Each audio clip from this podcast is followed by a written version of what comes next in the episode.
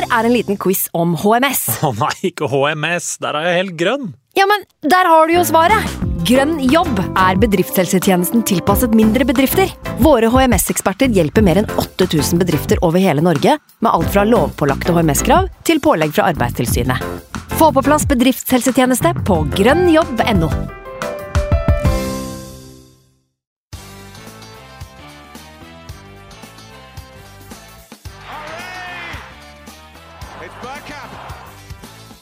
Now! The next station is Arsenal. Hei, og velkommen skal du være til en splitter ny episode med Arsenal Station med Magnus Johansen og meg, Simen Goffeng.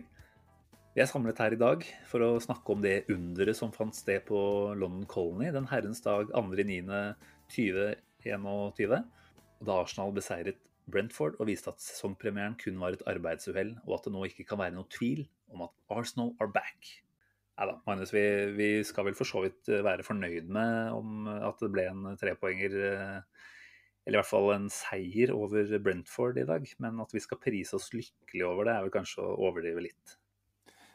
Eh, Jeg tenker jo at først og fremst så må vi sette pris på at vi har uh, funnet løsningen på vår offensive problem med Cedric som uh, Etter- wingback. etter, ja, etter sigende uh, skal ha skåra to, og i tillegg en ganske pen lobb over keeper. Så man, det var jo nesten så man ikke trodde helt det man leste, når, når det plutselig dukka opp på Twitter sånn i ettermiddag at, uh, Mm. at, uh, at han hadde skåra to mål, og at Arsenal hadde spilt en, match som hadde, hadde vunnet mot Premier League-motstand. Men jeg så på laget til Brentford og tenker at uh, vi skal ikke Nei, det var jo ikke det, vet du. Så, men en god gjennomkjøring for et par av de spillerne vi håper å ha tilbake etter landslagspausen. Så det, det er jo positivt det, kanskje, i større grad enn at vi vinner. Eh, det var jo bare, bare tullball, selvfølgelig. Vi skal jo først og fremst bruke den sendinga her for å oppsummere det som har skjedd i overgangsvinduet. eh, Som har vært et ganske langtekkelig overgangsvindu. Jeg vet ikke hvor tidlig det startet, eller åpna. Det føles som det har vært eh, veldig lang tid nå. Så egentlig helt greit at det tikka mot sin slutt her nå. Det var vel et par dager siden, når vi sitter her nå en torsdagskveld og spiller inn. Eh, Vi skal prate mye om det som har skjedd der, men vi skal vel kanskje snu litt om på hodet på ting i dag. For vi lurte på om vi rett og slett skulle begynne sendinga med en eh, X-spillerspalte, rett og slett. Ja. Ikke eh, helt fremmed for det. Den kommer jo egentlig tradisjonen tro alltid til slutt. Eh, vi har jo passert 50 episoder, og iallfall i 7-48 av dem så har det vært en, en X-spiller. og Noen av rytterne hopper jo av toget før eh, den er endelig framme på Arsenal Station eh, endestopp. Men eh, så, så det er litt tanken, da. at, at vi skal prøve oss å Det blir ikke noe fast greie, men at man for de lyttere som kanskje ikke har fått med seg de spaltene, da, Mm. kan jo få en smakebit. Og for å, for, bare for å si det, da, så har eh, livet vært eh, relativt hektisk eh, med, med deadline day og hverdagsliv og alt som er. Så det er en, en reprise den gangen her. En ønskereprise. Det er for så vidt uh, jeg som har ligget langflat etter det her og bedt om å få akkurat denne. Så kan jo folk uh, begynne å spørre seg allerede nå hvem det kan være. Ja. Uh, det er jo litt sånn relatert til uh, silly season, da. Det er et overgangsvindu som er stengt. og det trenger ikke å si så mye mer enn det, egentlig. Nei, spill av. Så, så er vi tilbake med mer transfer-relatert prat om noen få minutter. Men aller først så får du kjøre i gang. Takk, takk. Klubbens store gullkalv ble tatt med buksene nede for femte gang. For femte gang på kort tid kunne lokalavisa rapportere om at unggutten hadde utøvet hemsegymnastikk for et klekkelig vederlag. På et av byens mest fasjonable hotell.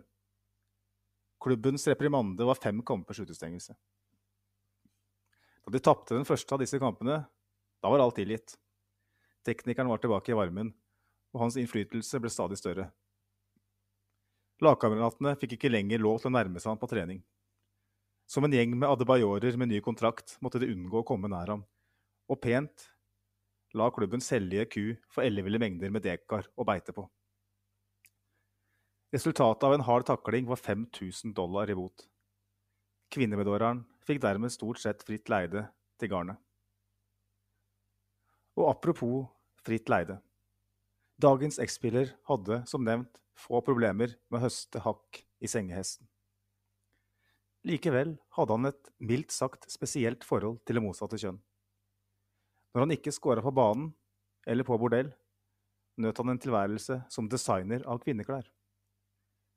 Et faktum det er vanskelig å begripe når man vet hvilke kvinnesyn dette mytiske ikonet står for. Han har annet uttalt følgende. Hvis du ser en bil som oppfører seg rart og ukontrollert, så vet du at det er en kvinnelig sjåfør. Det er alltid en kvinne. Vi er nødt til å bygge et eget veisystem til dem. Denne podkasten støtter ikke disse synspunktene, bare for å ha det på det rene. Men tilbake til fotballkarrieren hans. Etter å ha herja i hjemlig liga i en årrekke, samt skrudd på sjarmen under EM, fikk endelig stortalentet sjansen en, for å vise seg fram på den store scenen. Arsen Wenger hadde latt seg imponere, og angriperen gikk fra å være gud i hjembyen til å være frelser på Balløya. Arsenal var i ferd med å sakke akterut i kampen om en topp fire-plassering og trengte inspirasjon. Og det fikk de. Sjelden har en nyervervelse hatt en så stor impact fra første stund. Vi bivånet en artist i manesjen, som med den største selvfølgelighet kunne leke seg forbi motstandere, tre pasninger gjennom umulige nåløyer og varte opp med de vakreste skåringer. Jeg fikk ikke til så mye i dag, uttalte han etter å ha skåra fire mål på Anfield i et episk drama. Denne mannen har alt. Denne mannen kan skyte oss til heder og ære. Trodde vi. På denne tiden visste vi lite om stjernespillerens bravader i hjemlandet, selv om vi nok mistenkte at han var en, la oss si, annerledes karakter. Noen hint fikk vi nemlig ved hans legendariske hjemmeside, hvor han besvarte alle slags spørsmål fra fansen. Blant annet dette. Hei, hvilken rekkefølge vil du rangere følgende dyr? Tiger, ku, gris, hest og sau? X-spillerens respons lød. Grisen vil alltid få sisteplassen. Så da blir det tiger, ku, hest og sau. Og jeg gjentar, grisen vil alltid komme til slutt fordi den er en gris. En annen beundrer kunne fortelle at han slet med overvekt, og spurte Arsenal-stjernen om hva han burde gjøre. Slank deg, var det korte og presise svaret han fikk. Allerede i sesong nummer to begynte vi å se tegn til at dette mytiske geniet hadde trøbbel med å innfri forventningene. Gode prestasjoner og glimtvis klasse til tross, dette var ikke den samme trollmannen vi så innledningsvis. Resten av Arsenal-karrieren ble preget av gradvis regresjon. Og det ble slutt, til slutt så ille at han knapt fikk være med i troppen på kampdager. Fra å være blant ligaens beste spillere så det ut til at han ikke hørte hjemme på dette nivået i det hele tatt. Likevel hadde denne spilleren en helt unik evne til å gjøre seg bemerket. Idet han var i ferd med å havne på glemselens loft, serverte han oss kanskje det mest ikoniske øyeblikket på Emirates Stadium noensinne, da han satte inn 2-1-skåringen mot verdens beste lag. Peps legendariske Barcelona-lag ble senka etter et mønsterangrep, og grunnvollene til det toppmoderne anlegget skjelver nok fremdeles etter brølet fra det fremmøtte. Undertegnede havna med joggeskoene i været og ansiktet i betongen da ingen av de likesinnede klarte å beherske seg. Det gjorde heller ikke skåringshelten som like så godt avdukket et bilde av seg selv da han løftet opp skjorta i den elleville feiringen. Dette ble også på mange måter hans siste store bidrag i Nord-London, før han igjen fortsatte sin jevne regresjon. Sesongen etter skåra han kun én gang på 19 kamper, og ble etter hvert lånt tilbake til sin tidligere klubb, da prestasjonene ikke lenger holdt mål. Det var til sin tidligere klubb han også etter hvert returnerte permanent. Der ble det iallfall skåra hyppig utafor bana, om ikke alt stemte på bana. En leopard forandrer aldri sine flekker, heter det. Rett før jul i 2018 ble han filma da han kom ridende på hest ut av en av St. Petersburgs strippeklubber. Selvsagt fullstendig kanakas.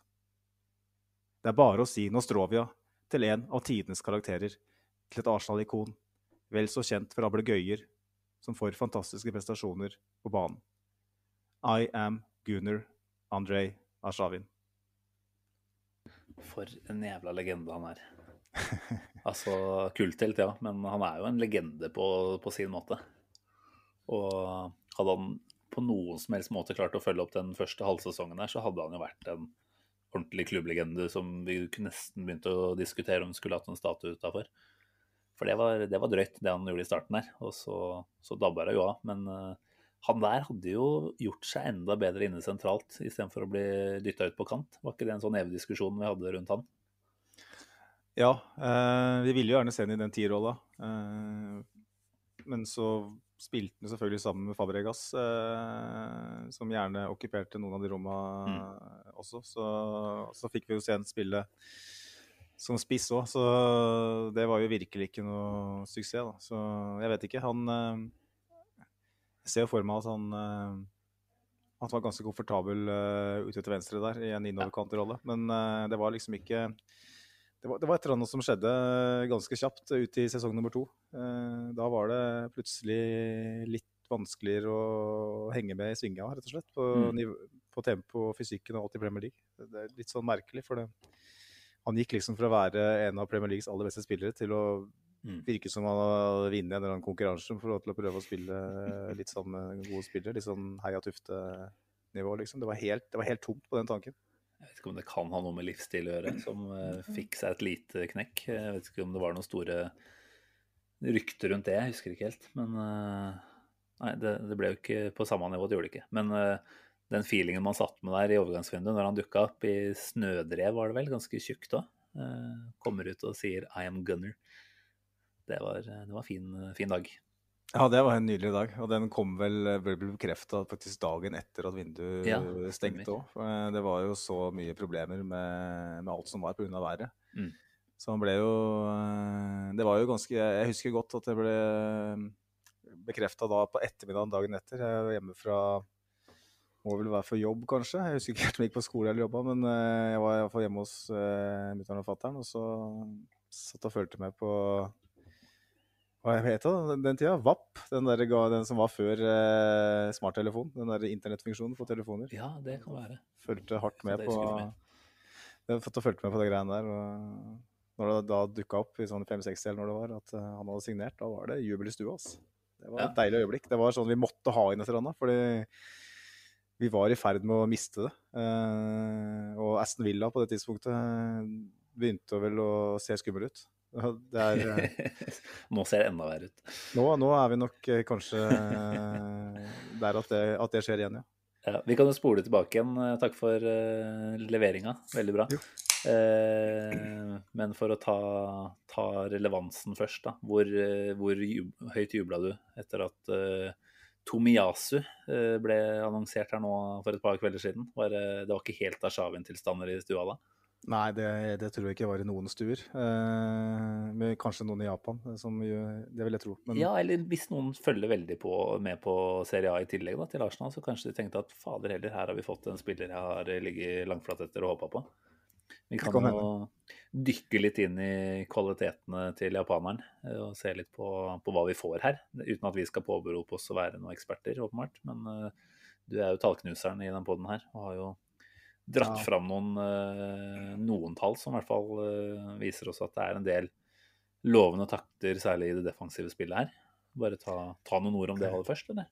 Altså, jeg har ikke gjort noe særlig research eh, den gangen her, og det, jeg føler meg litt som sånn juletentamen 98. At jeg sitter her veldig uforberedt og skal prøve å levere et eller annet. Men jeg tok en veldig kjapp kikk på Husgård i stad, og da bet jeg meg merke i uh, duellstryken hans. Uh, det har jeg lest litt om om for så vidt, på, på, Twitter og noen mm. artikler mm. som har blitt publisert og sånn, og at han er, er, god i luftrommet. Han har en Sesongen som var i fjor, så hadde han vel 91% i vellykka hodedueller. Og det er ganske heftig, altså. Det er vel Det er jo verdensklasse, er det ikke det? Det er meget, meget bra. jeg tenker at det må jo være en av de viktigste attributta han har, da. Fordi Ben White, som da skal sannsynligvis spille til venstre for han, da. Eh, I da, om det blir en firer eller en treer, det er vanskelig å si. Eh, men eh, at Ben White skal ligge ved siden av han, er ganske åpenbart. Og Mm. Ben White han vinner bare halvparten av hodeduellene sine. Eh, Det så vi pro på allerede mot Brentford, at det er en svakhet. Eh, Callum Chambers, som har spilt i den rolla, kan du si. Og så jeg tenker jo at det her er jo eh, kniv i hjertet til eh, Callum Chambers. Det er jo døden for Callum Chambers i Arsenal. Når man henter inn en spiller som har de styrkene som Tommy Yasu har, som kan spille stopper og høyre back. Mm. Eh, Og det sa jo Arteta òg, at vi hvordan sa at vi trenger å Eller vi trengte en, eh, en back som også kan være ha mulighet for å spille både midtstopper og spille i en back-treer. Eh, og da, da har du på en måte utradert eh, Chambers litt eh, plutselig, har du ikke det?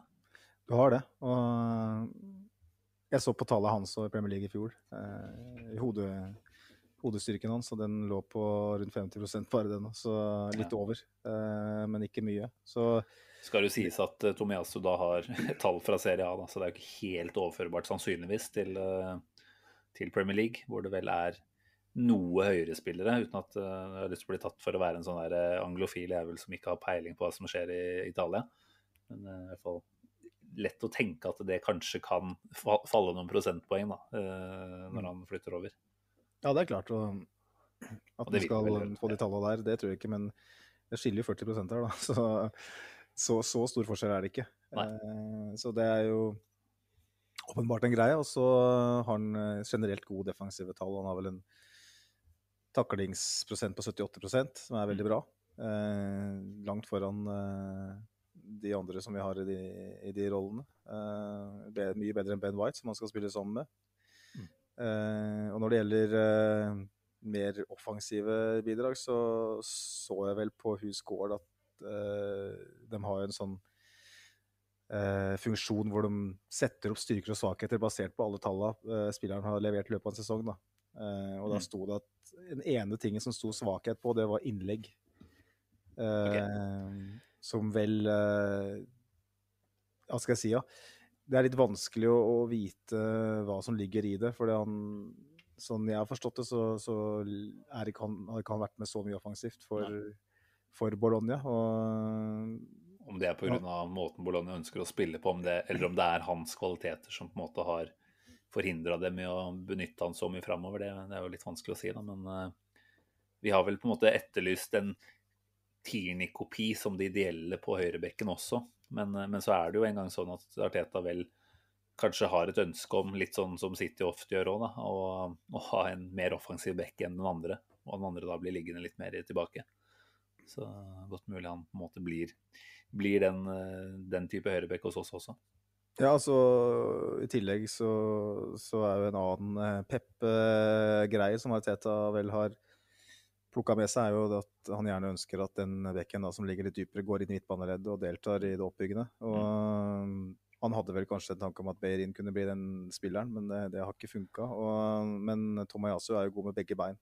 Eh, han har spilt en del venstreback, faktisk. til og med. Han har spilt uh, stopper, selvfølgelig, som vi snakka om. Han har starta vel karrieren sin som defensiv midtbanespiller i Belgia. Så, eller sånn når han kom til Europa. Da. Uh, så det er jo åpenbart en spiller som er ganske allsidig. Uh, det Mm. sa vel Ariteta òg, at han, Mm. han hadde allsidige ferdigheter. Og det, det er spennende. Men hva tror du, Steven? Er det eh, vi, vi, vi var jo overbevist eh, eh, i, på tirsdag når overgangsvinduet stengte, eh, når han kom inn, at, at her har vi henta en høyrebekk. Ja. Er det Hva tenker du? Er det, er det sånn at, eh, at du tenker at det fort kan bli en tre bak, og at, eh, at han spiller sammen med Ben White og eh, Gabriel eh, der, eller tror du at det er en sånn at han skal brukes Det er, vanskelig å Nei, svare jeg, ser- på. jeg tenker jo Hvis man skal høre på Arteta selv, så, så legger man jo opp til at her er det en som gjør at Arteta kan fortsette å flekse mellom ulike formasjoner. Eh, jeg syns det er litt vanskelig å se for meg at uh, Tomiyasu, Ben White og Gabriel går inn i samme bekktreer, egentlig. For det, altså, det er godt mulig at Ben White gjerne tar på seg den sentrale rollen der òg, men han har jo først og fremst vært en høyrestopper i, Mm. i Brighton. Da. Og plutselig på en måte dytte Tomiyasu inn som den sentrale bekken og på en måte bli den som styrer bak deg, det har jeg Jeg vet ikke, jeg er bare bitte litt skeptisk kanskje til det. Jeg er helt enig. Eh, eh, men jeg tenker at han tilbyr en eh, hva heter det, versatility som er eh, verdifull på én måte. På en annen måte så gjør jo sånn type fleksibilitet at, at eh, det kanskje blir litt for lite tydelig hva man ønsker å bygge da, over lang sikt. Jeg, ønsker jo gjerne at uh, Arteta er tro mot en, en formasjon. det meste av kampene, i hvert fall med noen unntak kanskje. Men jeg håper jo at han egentlig jobber inn en, en backfirer, og at Tomiasu blir en høyere back i den. da. Og så kan det hende at hans eh, litt offensive mangler eh, må kompenseres for på venstresiden fra Tierney, og at man legger opp spillet litt etter det. Men eh, jeg har jo sett noen YouTube-videoer òg. Det ser ut som man har fart til å komme fram. Eh, ser jo for meg at eh, det vil være muligheter til å bli med, bli med framover også fra en ren høyreback-posisjon for han. Så jeg mm. kan jo absolutt ikke komme her og si at jeg, jeg vet noen ting. For det, det er eh, mange spørsmålstegn rundt en spiller jeg vel aldri har sett spille en eneste kamp. Jeg tror ikke jeg kan si at jeg har sett en Bologna-kamp, faktisk. Så det er spennende. Jeg fikk jo på en måte et godt inntrykk av typen når du leser litt om hvordan han visstnok skal være veldig dedikert på treningsfeltet. Da. Fått et par tilbakemeldinger på, på, trening eh, i Bologna om at han må forbedre ditt og forbedre datt, og, og bruker mye ekstra tid på eget initiativ på å bli bedre på annet pasningsspill var vel det som var nevnt her, da. Jeg tenker at uh, Ja, man liker på en måte det man hører. Uh, føler at det føyer seg inn i rekken i form av at man henter ikke nødvendigvis sterke personligheter, men i hvert fall sterke proffer, altså profesjonelle typer. Høres det jo virkelig ut mm. som man er veldig tydelig på at man skal ha på plass i sommer. Altså folk som er ja, blodseriøse på trening og, og kanskje som lytter til Arteta, da, eh, så skal vi ikke ha altfor mange av de der eh, bare snille guttene som gjør som treneren sier heller, kanskje. Men eh, er, jeg er veldig spent på hva vi, hva vi, kan få her. Jeg tror først og fremst det blir en ren høyreback-rolle han tar på seg. Det var vel det som lå i kortet når Behrin gikk, at man hadde plass til å hente inn en høyreback. Og det, det tror jeg også det blir. Altså, Arteta har jo sett det samme som oss, at verken Chambers eller Cedric er pålitelige over en hel sesong. Uh, Maitland Niles kan vi vel begynne å anta at vi kanskje ikke får se på høyrebekken. Uh, selv om han visstnok skulle ha veldig lyst plutselig til å spille der. Uh, vet ikke hvor mye jeg skal legge i det, men jeg tror det er det han først og fremst er henta inn for.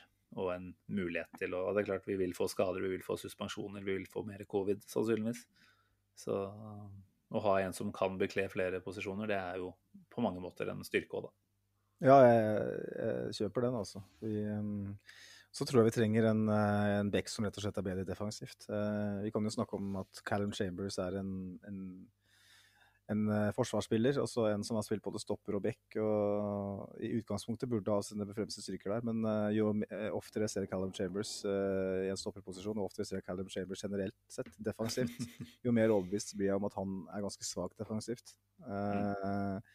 at hans styrker går mer i Hva skal jeg si? Ja, en høyreback-rolle hvis han kan komme litt frem i banen og slå innlegg og sånn. Det er jo litt sånn paradoks med tanke på hva slags spiller han egentlig har vært. Mm.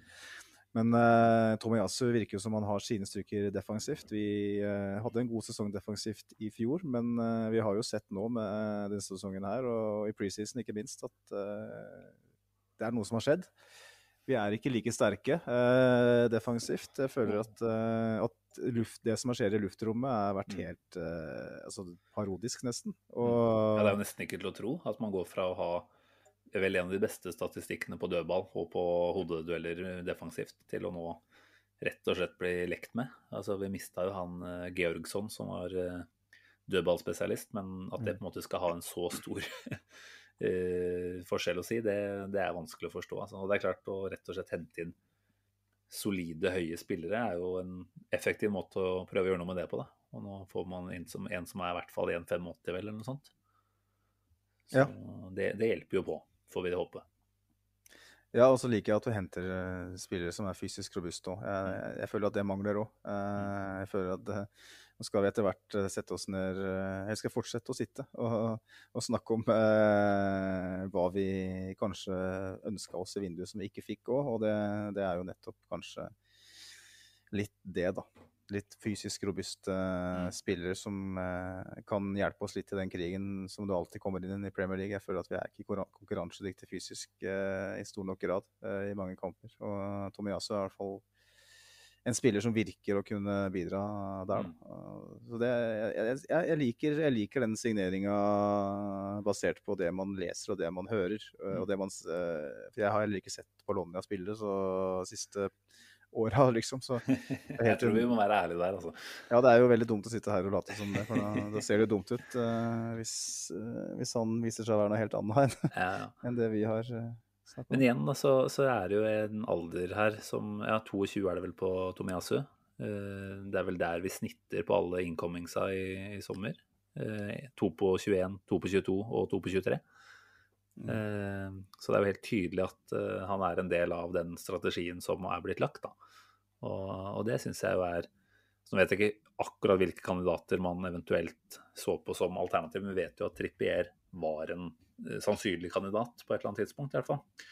Og kanskje kunne vært et fristende tilfelle å gått for. Men jeg må jo si at det er betryggende at man da på sett og vis velger å være tro mot den eh, planen man har lagt her, da.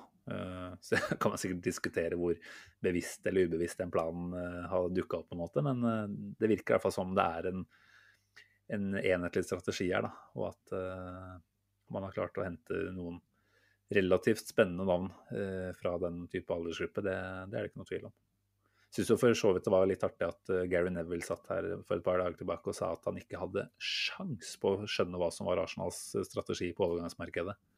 Jeg vet ikke om jeg misforsto hva han mente der, men altså hvis du ikke klarer å se hva Arsenal driver med den sommeren her eh, altså Én ting er om navnene de henter er gode nok, eh, det vil jo på en måte tida vise. Men at man helt åpenbart burde klare å forstå hva som er strategien, det, det er vel ikke noe tvil om.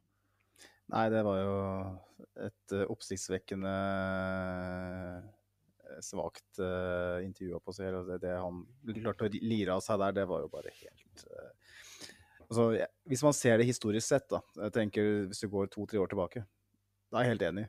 Da er det helt umulig å se hva er det Arsenal egentlig holder på med. Uh, men den sommeren her, hvis du ser den isolert sett, så, Mm. Så har det vel nesten aldri vært tydeligere. Uh, Iallfall ikke etter at Wenger uh, forsvant. Så det hvor, Hvorvidt det er en, en god plan, det, det, får vi svar på i løpet av et par år, sannsynligvis. Men at det er en tydelig plan, det virker ganske tydelig. Mm. Heldigvis. Kan vi komme mer tilbake til helhetsinntrykk av vinduet og hvem som har gjort hvilken jobb og hvor godt de har gjort jobben sin. Men du hadde vel lyst til at vi skulle ta en liten sånn uh, vurdering på hver enkelt overgang som vi har gjort? Jeg vet ikke om du vil ha terningkast eller én til ti? For hver eneste overgang? Uh, ja, det ja, nei, jeg husker ikke hva jeg sa, egentlig. Jeg har sagt mye. Uh, har men mye. eh, jeg, har, jeg har satt eh, karakterer sånn totalt sett, har jeg gjort. Uh, men jeg har ikke satt noe for Men vi kan jo gå, gå gjennom spiller for spiller. eh, bare Det blir tomlet. Det blir mye. Så kanskje vi bare skal ta det som en oppsummering.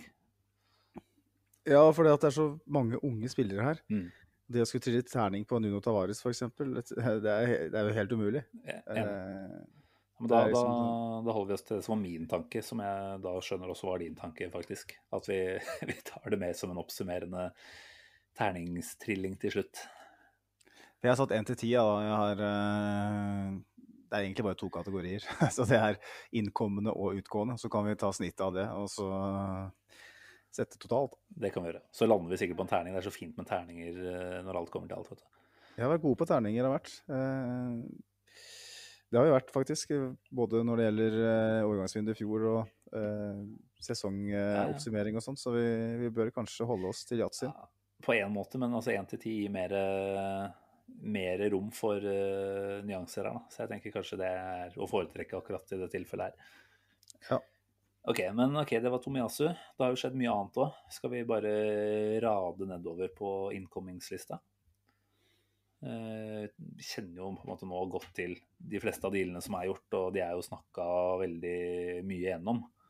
Eh, Jeg vet ikke hvor mye tid du tenker at vi skal bruke på hver enkelt av de, men eh, Ikke, ikke så mye nødvendigvis. Eh, Som, som jeg sa, vi, vi vet jo ikke så veldig mye om sånn som både Tomiyasu og, og han eh, godeste Nuno Tavares. Så Lokonga er, jo en spiller som vi har sett spille tre ganger, liksom. Mm. Så det, det er vanskelig. Vi kan i hvert fall ta fakta, da, som er at vi har henta inn seks spillere. Stemmer ikke det? Ben White, Martin Ødegaard, Ramsdale, Tomiyasu, Lokonga og Tavares. Inne på snittalderen har vi vært inne på allerede. Eh, Det er eh, lovende at vi bygger stall på den måten. Totalen på de spillerne her det er ganske heftig, da. 100 og, Hva var det? da? Hva var det de landa på? 150 millioner pund ca. Ja, rett i underkant, ja. Eh, Det er det mange som har allerede, altså ikke Arsenal-supportere, men eh, motstandere, som har begynt å poengtere, selvfølgelig, da, at eh, vi har fått så lite eh, for de penga der. Men da er vi liksom tilbake igjen på at de resultatene får vi ikke nødvendigvis allerede de første ukene. Vi må gi det litt mer tid enn som så. Lagre de tweetsa da, eh, fra de et- supporterne, og så kan vi slappe dem i panna med, når vi om et par år eh, ser at det har vært et bra vindu. Forhåpentligvis allerede før det også, men uh, føler at vi som supportere har fått det tøft uh, de siste Altså, jeg er ikke så aktiv på sosiale medier, så der har ikke jeg fått det tøft. Men i real life, eh, som også er enda verre på mange måter, da. Det har eh, vært mye håning og mye kjipe kommentarer og meldinger fra bekjente og venner. Så jeg føler at, eh, at det å på et eller annet tidspunkt allerede denne sesongen her forhåpentligvis kunne slå tilbake med at eh, vi visste best, vi veit hva vi holder på med, det hadde vært deilig. Altså. Ja, eh, Hvor stor tror vi er på det, det er jo en annen sak. Nei, det, kan vi, det kan vi ta senere. Um, men uh, da er det Skal vi starte med han som kom først inn? Var ikke det Nuno Tavares? da? Jo. Uh, skal vi sette karakter på det, tenker du? Eller det Nei, det var jo du som akkurat sa vi ikke skulle gjøre det, var det ikke det? Det var, ja, det var nettopp det, så vi bare går gjennom litt sånn eh, Ja, for jeg lurte på hvorfor- skal vi gå gjennom eh, Ja, jeg, spillere? Men jeg det blir sånn der noen kommentarer. gidde det engang. jeg. For nå kjenner jo de fleste av supporterne til disse navnene her, og de spillerne vet sånn cirka hva de kom for. Eh, også, de har vel fått fire- eller femårskontrakter, hele gjengen. Det er liksom ikke så mye man må gå i detalj på her. Altså, altså Mitt jevne inntrykk av alle signeringene vi har gjort, det er jo at eh, det er eh, ut ifra en strategi som jeg støtter. Eh, og så er det alltid lett å si at f.eks. en Ramsdale kommer for mer penger enn det han per nå kanskje er verdt. Da. Men igjen, tida vil jo vise hvor god investering det er. Si at han tar over for Leno allerede nå i, i Norwich-kampen. Hvilket jeg begynner å håpe litt på. Jeg tenker at Hvis han på et eller annet tidspunkt skal inn, så er det jo noe med å nå gi han muligheten i det som da er en presseutgitt enkeltkamp, og så en Burnley-kamp som selvfølgelig kommer til å bli en, eh, krig oppi der. Eh, Jeg føler jo ikke at eh, altså Leno har jo ikke spilt seg ut, han har jo ikke det, men det er allikevel noe over hele den auraen som Leno sprer, eller ikke sprer kanskje, i resten av laget og i Forsvaret, som gjør at jeg er, eh, jeg er veldig spent på å se Ramsdale og hva han kan eh, utvise av trygghet, og hvordan påvirkningskraft han kan ha på resten av laget. For det er vel Jeg, syn, ja. Jeg syns jo Leno bortimot har spilt seg ut. Uh, ja, han uh, hadde vel en, uh, del redninger mot både City og Chelsea som er imponerende. På strek så har han jo det vet har han jo alltid vært god. god. Mm. Men det har vært eh, ganske mange episoder nå, spesielt eh, i det året her, eh, siden nyttår, sin følge. Mm. Husker Everton-kampen, f.eks. Uh, på Emirates. Vi husker Brentford-kampen, og det er, det er flere sånne ganske store tabber, da, Mm. i mine øyne. Store feil for en keeper en, som skal være landslagskeeper for Tyskland. vel å merke tredjevalg. Mm. Så jeg føler at han Altså, vi, det kan godt hende at, eh, at Lenon står nå fram til Wimbledon-matchen i ligacupen. Og hvis Ramsdale la igjen har en god kamp, og Leno fortsetter å gjøre en del rart, så tenker jeg at det er naturlig å prøve, prøve å bytte. Og Ja. se om det kan funke. Ja, for du føler på en måte at hvis man først tar det valget om å sette Ramsdale inn som Premier League-keeper, hvis det ikke er en skade, da, for så vidt på Leno, så, så er det på en måte ikke noe vei tilbake egentlig for Leno. Da, da må man egentlig Da skal du tåle ganske mye tull fra Ramsdale før du setter inn i en Leno, da. Eh, Så det er noe med at han på en måte skal ha spilt seg helt ut. Hvis ikke de på Mm. treningsfeltet sitter og ser at Ramsdale allerede nå gir mer av det de ønsker fra, fra bakerste mann. Da. Så tenker jeg da er det egentlig ikke noe å vente på. Man veit at Ramsdale er her for på lang tid. Man veit at Leno kan vi vel nesten si 100% går neste sommer. Eh, Da har han ett år igjen av kontrakten. Han burde ønske seg videre. Det har han vel allerede gjort. Så jeg tenker eh, det er, rikt, det er noe med timing her som har litt å si. Men at Ramsdale ganske snart tror jeg er førstekeeper, det, det er det ikke noe tvil om. Det er jo spennende å se. Det er klart uh, Man kan jo ta det valget og kjøre Ramsdale som førstevalg i Premier League, men det eneste som kan reversere det, er jo hvis Ramsdale ikke er klar. Uh, og da vil vi se det ganske kjapt. Så, men man, man, gir jo heller ikke han sjansen hvis man ikke ser på treningsfeltet at, at han ikke er klar. da. Men Nei, det det jeg tenker når du betaler den summen for han, uavhengig om det er langtidsprosjekt, så tenker jeg at mm. han, om han ikke er 100% klar, så er han ganske nært ved å være klar. Eh, det tror jeg. Mm. det er ikke sånn at, Og det, det baserer jeg mer på Leno sine prestasjoner. Eh, det skal ikke så veldig mye til eh, å prestere bedre enn det Leno har gjort nå de siste sju-åtte månedene. Nei. Nei, og da er det ikke bare snakk om det der shotstopping-spillet. Da er det mer altså den, det å ha en presence, føler jeg, da. Som Jeg, jeg, jeg, føler ikke at Leno er utpå der, egentlig. Altså, vi ser han på en måte ikke annet enn når han gjør en tabbe på med, med beina, eller når han uh, gjør en god redning på strek. Han, han, tar liksom ikke noe plass. Han opplever jeg i hvert fall at han ikke bruker uh, spesielt mye av, av, stemmen sin på å styre og ordne bak der. Han hadde én periode, husker jeg. Det var vel ja, det var vel kanskje rett etter at han kom inn, da, hvor du følte at ok, her har vi fått en som styrer forsvarsspillerne sine, plasserer de litt rundt på corner, liksom, men jeg føler ikke at det er noe autoritet igjen hos han. da. Han ser liksom Kanskje han er lei? Han ser, ja, men han ser litt lei ut òg, er, du enig? Altså, jeg syns han ser litt sånn uh, tung ut. Litt sånn uh, det, Hele fyren virker uh, litt sånn uh, prega av, av, det som har skjedd. Mm. Så, mange som snakker om at at det er fordi han ikke har hatt konkurranse. Mm. Men altså, han, han, hadde jo ikke reell konkurranse den sesongen når Martinez kom inn og tok Nei. over heller. For det, den sesongen så var det ingen som hadde satt så mye som eh, krone på at Martinez skulle være Premier League-kvalitet. Og så, Vi husker jo hvordan vi følte det når, mm. når Mopay uh, dundra inn i Leno der. Da tenkte vi jo at uh, det her det er uh, verdens ende for oss uh, den sesongen her. Og så plutselig så er Martinez god, ikke sant. Men det er det, det der greia med at han, skal, han, må presses, han må, ha, han må ha en reell konkurrent. Og det, det, er klart, åpenbart er det, er det, en faktor hele veien, men det er mer enn det som foregår her. Han har Altså det som kom ut i fjor da, i pressen, det kom fra ganske jeg, altså jeg, jeg, ja, ja, nettopp. Altså det, det, er kilder som man setter sin lit til. da. Mm. Og um, at han da rett og slett ikke ønska å signere en ny kontrakt med Arsenal. Og så går han ut sjøl i media og sier, uh, sier, at jo, jeg trives i klubben. Det er klart, det vil jo enhver vi spiller gjør, så lenge man er under kontrakt. Mm. Så jeg er ganske sikker på at, uh, at han er litt ferdig ja. uh, med det oppholdet her. Og det, i seg sjøl er jo det farlig. Ja. Jeg kjenner at jo mer Eller vi prater om det nå, så har jeg på en måte Jeg har lyst til å se Ramsdale allerede mot Norwich, altså Og litt for å liksom markere at nå er det noe nytt, og nå er det en ny start òg. Det tror jeg både supporterne trenger, og jeg tror egentlig spillerne trenger det. For den starten vi har fått, åpenbart, den har vært blytung. Og nå får man på en måte litt tid til å glemme, eh, på godt og vondt. Eh, og det å si ikke at man skal starte med alle nysigneringene mot Norwich nødvendigvis, men et eller annet må i hvert fall eh, For de som på en måte virker å være helt utvilsomt ikke med på dette prosjektet her in the long run, da. De, det er kanskje ikke noe å vente på. For vi vet at vi kommer til å ende der i løpet av noen uker eller måneder uansett. Og vi vet at vi sannsynligvis får noe tullball fra Leno. Eh, da må vi heller kanskje tåle at vi får det for Ramsdale på en måte til at han ikke er 100% klar, og så heller la han spille seg varm i trøya.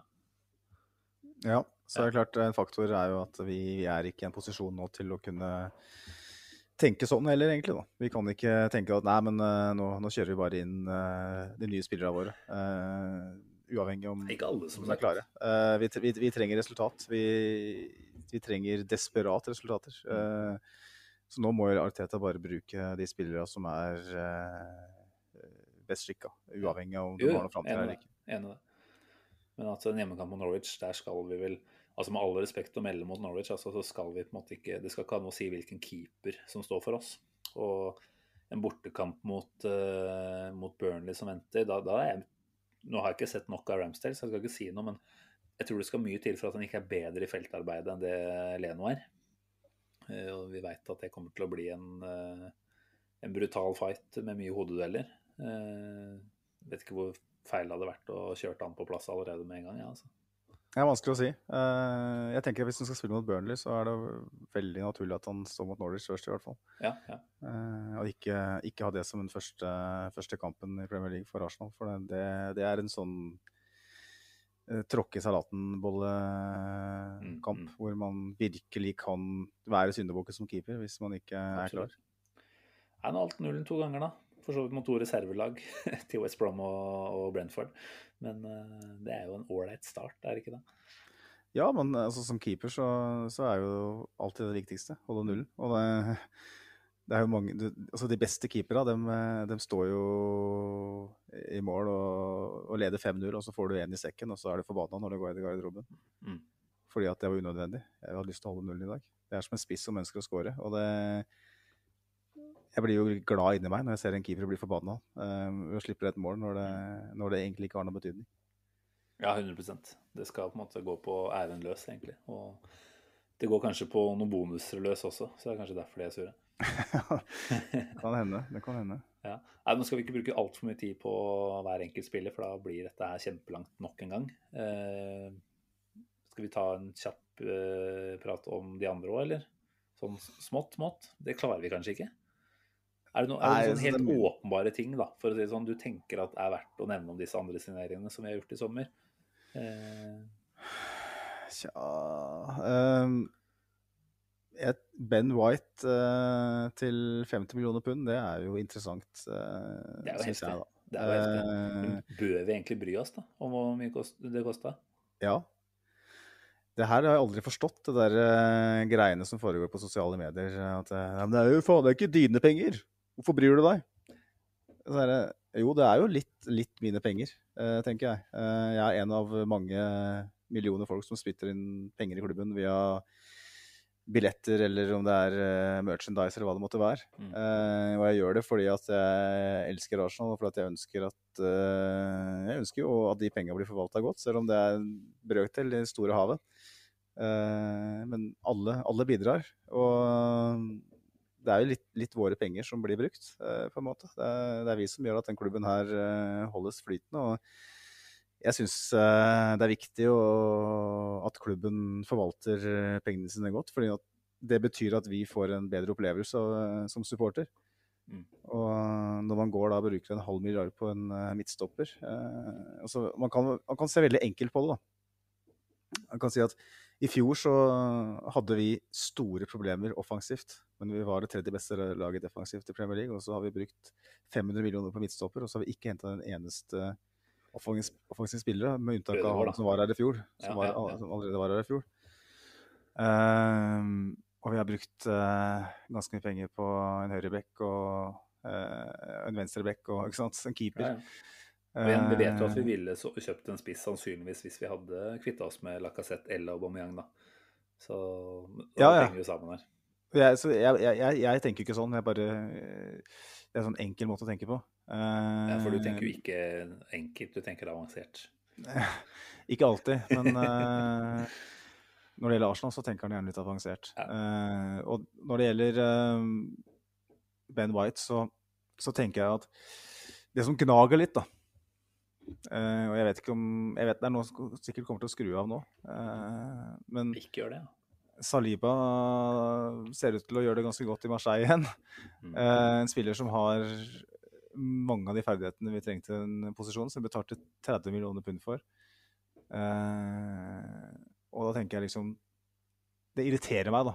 At man ikke da kan, når man har et sånt ungdomsprosjekt som er på gang nå, med unge spillere som skal inn, henter masse unge spillere som får sjansen da, på førstelaget, og så skal ikke, det, skal ikke den der herskens, uh, hersens Saliban få, få en, en sjanse. da, så Tenk de Men 50 er- millioner pundene hva- de- Ja, på. Ben White. Hva, hva, hva kunne du fått for det? et godt eh, på en, en midtbanespiller, da. Mm. Det er litt med det, at vi har brukt veldig mye penger uh, uh, på en, en posisjon hvor vi kanskje følte at vi hadde litt fra før. Vi hadde jo Eh, litt, men spørsmålet er om du hadde tenkt at eh, Saliba var den som skulle spille 35 Premier League-kamper. Eh, og leverer relativt stabilt gjennom en hel sesong. Jeg, jeg tror det er å være veldig optimistisk hvis man tenkte at det skulle være tilfellet der, altså. Og Ja, ja. så jeg kan skjønne at ikke Arteta velger å sette på en måte sin jobbframtid på spill for det. Eh, og man kan også igjen, som vi var inne på i forrige pod, forsvare hvorfor man låner han ut istedenfor å ha han som et tredje- eller fjerdevalg, fordi hans utvikling isolert sett tjener på det. Eh, men men jeg, også, jeg er jo ikke dum. Jeg ser jo at det er åpenbare gnisninger sannsynligvis mellom spiller og klubb og kanskje manager som gjør at det har blitt som det har blitt her. Mm. Eh, alt, alt som har skjedd der, vet vi kanskje ikke. Men eh, jeg forstår at man ønsker et sikrere kort, i hvert fall sånn på papiret, enn det Saliba hadde vært. Og at Ben White koster 50 mill., det er jo selvfølgelig i overkant. Eh, men vi ser jo at en, et Tottenham måtte ut med samme sum for Christian Romero, uten at det er noe English tax eh, ute og går også. ikke sant? Så det er jo et helt sinnssykt marked, det vet vi jo. Og igjen, tida vil jo vise hvor, hvor bra dette her er, da. Eh, nå fikk vi se han én gang i tellende kamp. Som var vel ingen som ble veldig imponert. og da, da er jo gjerne det et inntrykk som brenner seg litt fast. Og nå har vi fått sitte og, og kjenne på de tankene der i tre-fire uker allerede. Eh, så må vi håpe være at han kommer inn og klarer å danne et solid par da, med Gabriel også. Ja, ja, og det, det er jo ikke sånn at jeg ikke kjøper den i det hele eh, sånn sett. Det er bare det at jeg føler at at vi sitter igjen eh, med et midtbaneledd da, som Mm. jeg følte kanskje var nesten det viktigste. eh, med unntak av kanskje reservekeeper, som er sånn blø, som blødende nødvendig, som du må ha inn. Så følte jeg at det å få inn en ny sentral midtbanespiller eh, for å skape en ny dynamikk Mm. på, i midtbaneleddet, eh, det var så nødvendig, da. Eh, Men det er jo spørsmålet òg, da. Altså, hvorfor henter vi den ikke? Er det, er det pengene, rett og slett? Er det fordi vi brukte 30, nei, 50 og ikke 30 millioner på en stopper? Er det derfor vi ikke hadde råd til å hente, eller kunne hente en sentral midtbane? Eller er det Artetas valg igjen, da? Så jeg jeg er helt enig at jeg syns vi skulle ha oppgradert den sentrale midtbanen. Og vi kunne ha gjort det ved å selge Chaka og fått inn en direkte erstatter, eller vi kunne ha gjort det ved å eh, selge El Neni og hente inn en eh, sterkere spiller og sånn sett degradert Chaka ned til et tredjevalg. Eh, hvorfor vi ikke gjorde det, det er jo spørsmålet. Er, handler det om økonomi, eller handler det om Artetas vurderinger, eller Dus vurderinger? Ja, det er et godt Det, spørsmål. det vet vi jo ikke. Så det er der igjen det er vanskelig å på en måte sette fingeren på hvor, hvor irriterende eller hvor drøyt det føles ut å betale en sånn pris for Ben White. Da, for det. Sannsynligvis så har det noe å si, eh, fordi vi vet at eh, Kronkis ikke er en Abramovic-type. Men, eh, men eh, at jeg føler meg at Arsenal har klart å dra fram penger når de har ønsket det nok. Da. Eh, så da, da sitter jeg liksom med en liten følelse av at de kanskje ikke ønska en sentral midtbanespiller nok. En Bizoma som helt åpenbart lå der som en mulighet for kanskje 30 millioner. Da. Det, det klarer jeg liksom ikke helt å se at hadde vært sjanseløst til å få til.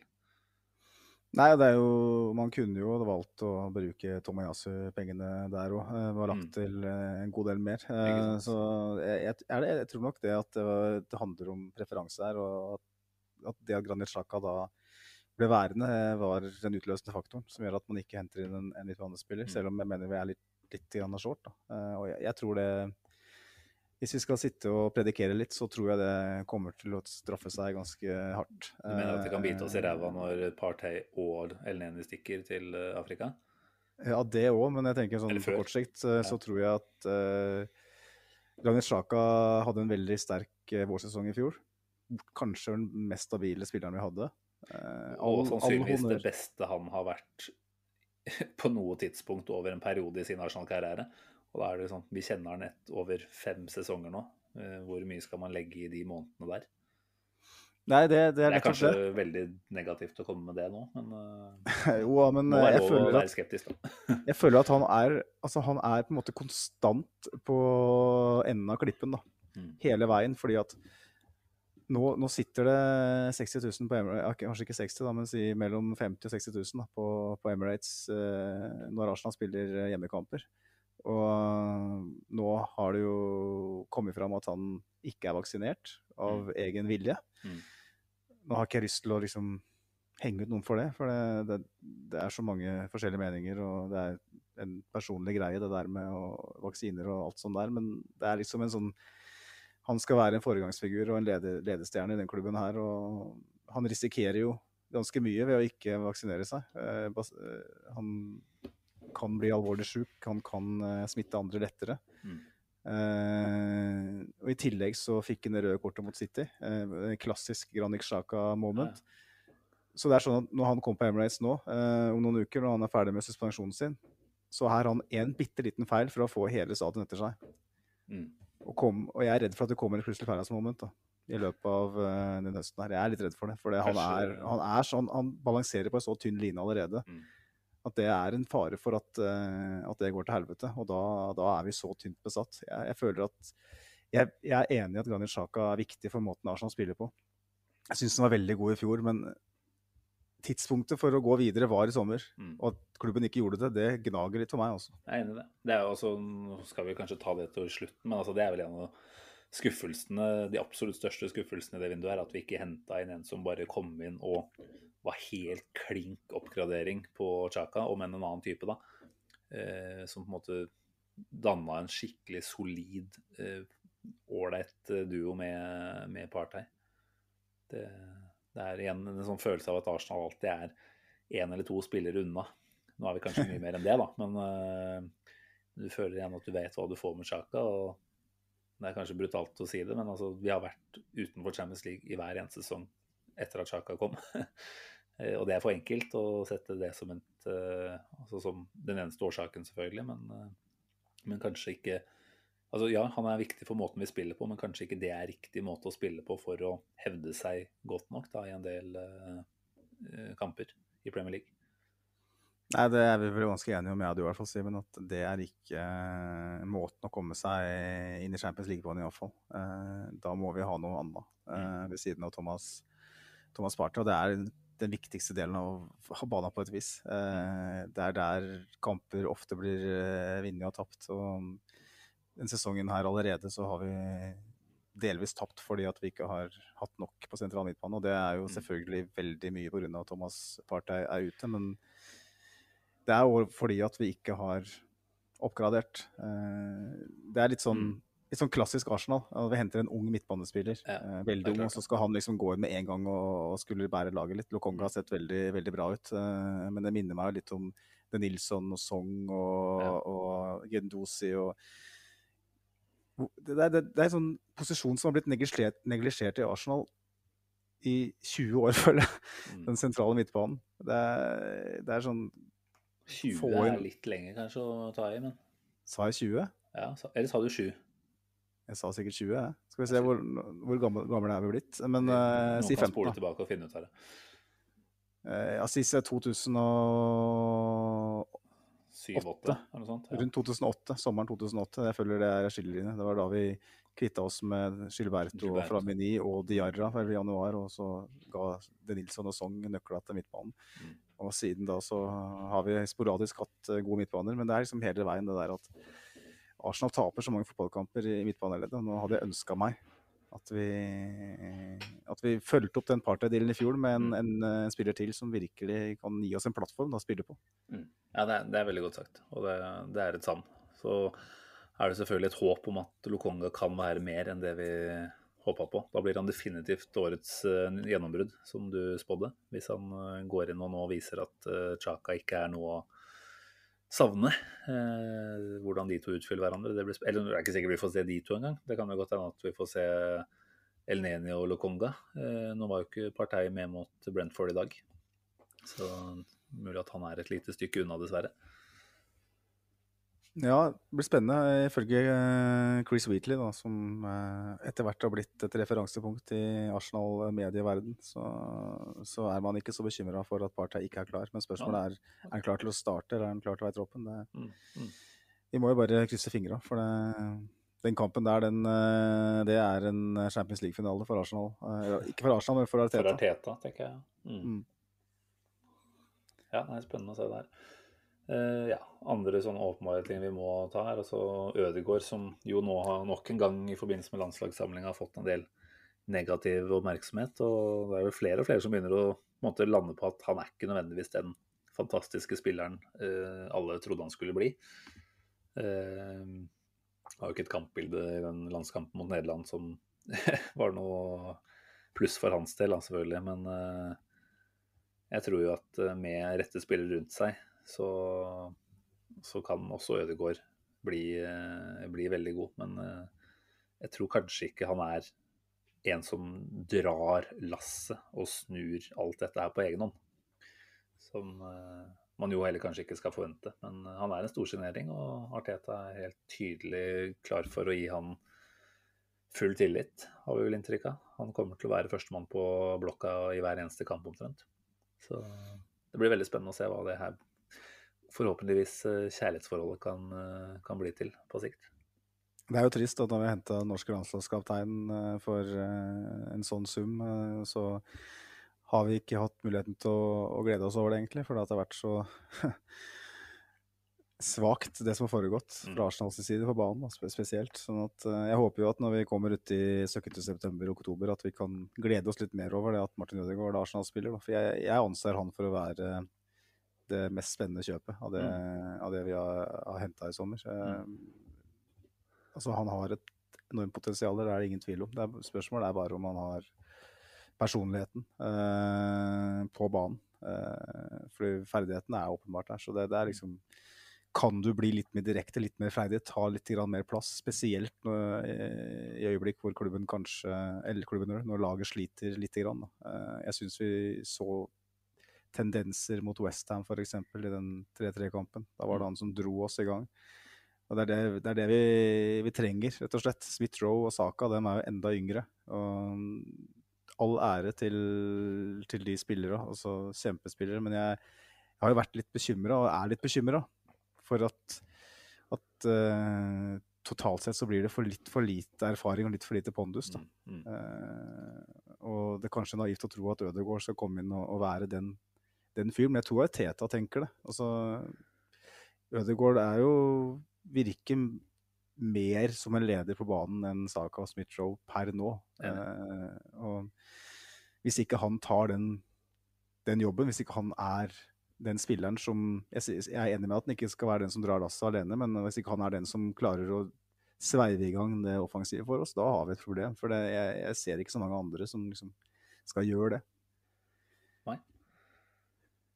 Greit nok. Skal vi prøve å komme med en dom på på spillerfronten her, hva som har kommet inn. Én til ti.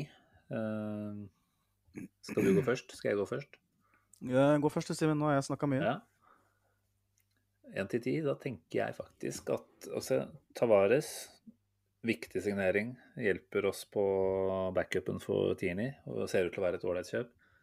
Lokonga, talent. Eh, forhåpentligvis har de gjort en så bra scoutingjobb der, eller stolt såpass på Kompani at eh, det at det er en spiller som faktisk kommer inn og bidrar på midtbanen allerede nå.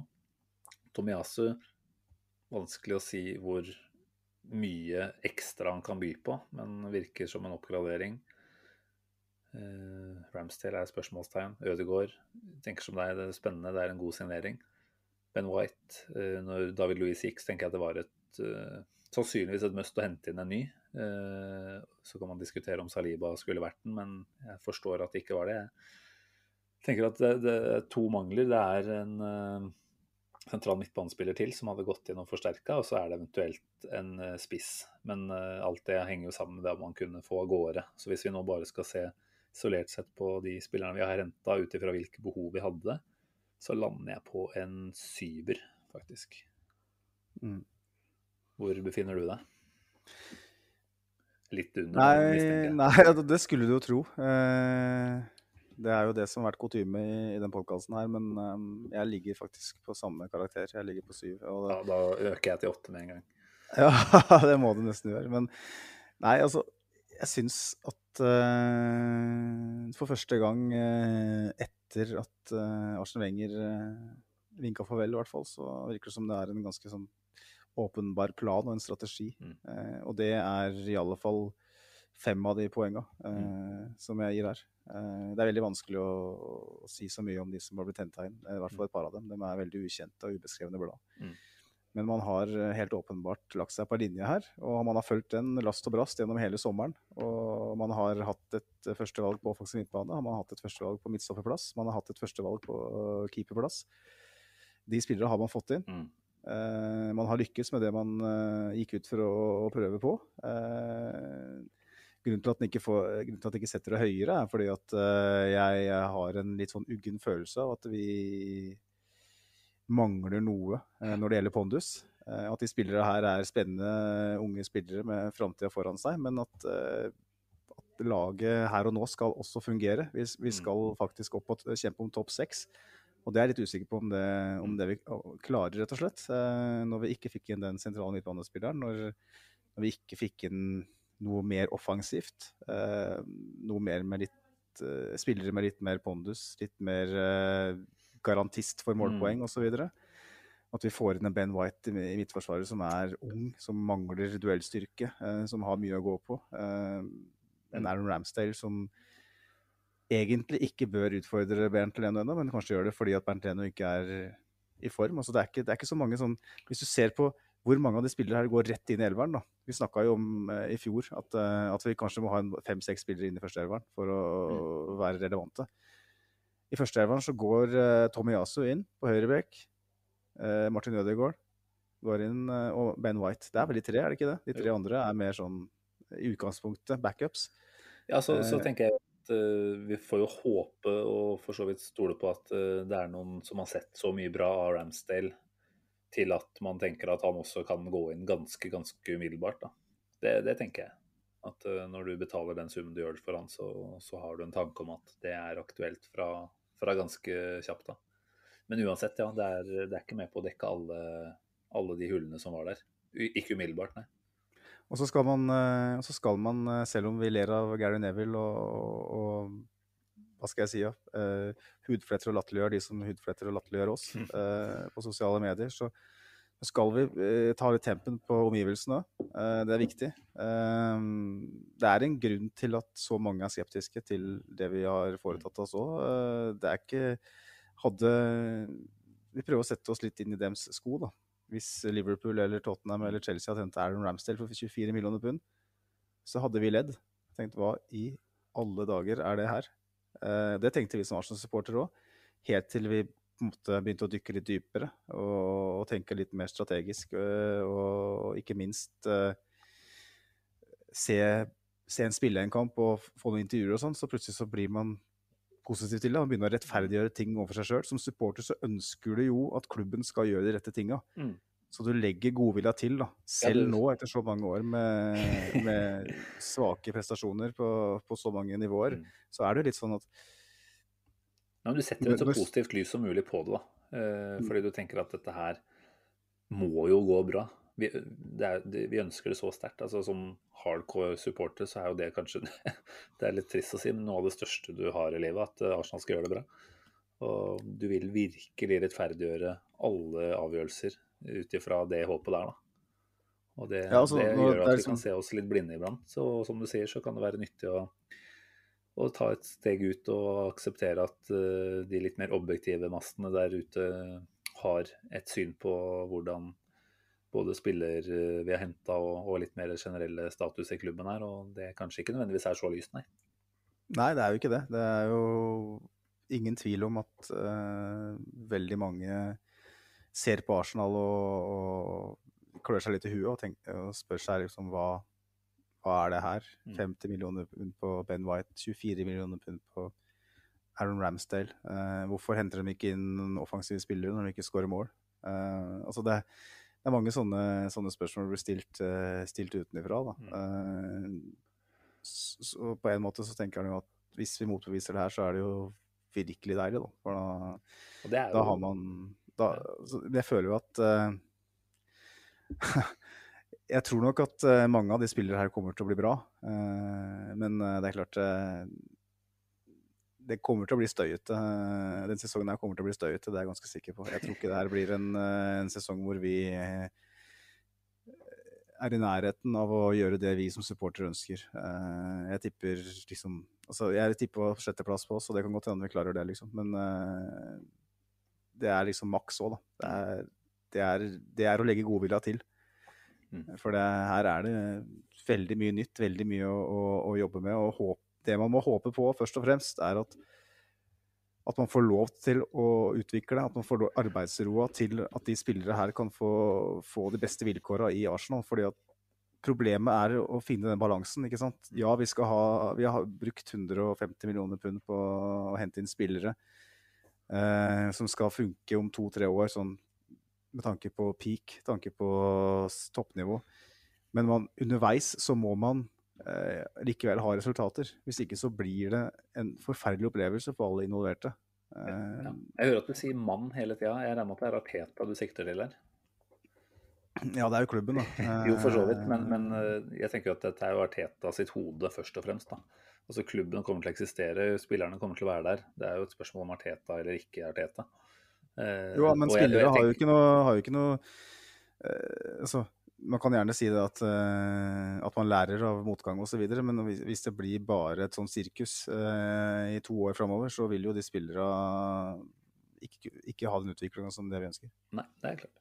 Men jeg tenker jo det er jo det du sier tidligere om at det vil være mye leven utenifra. Og det, det, er det ikke noe tvil om.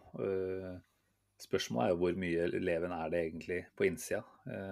du får jo en følelse her at dette er Arteta sitt prosjekt. Han har uh, sannsynligvis kommunisert innad at altså, med, tanke på hvor tydelig han var på dette med kultur, uh, altså behov for en kulturendring da han kom inn og sånt. da. Jeg tenker at Han har sannsynligvis fått solgt inn et budskap til eierne om at dette her er status. Det er så langt unna å være bra som man kan, omtrent kan komme, så dette kommer til å bli verre før det blir bedre. Dere må tillate at jeg henter yngre spillere og akseptere en medioker sesong i verste fall. da.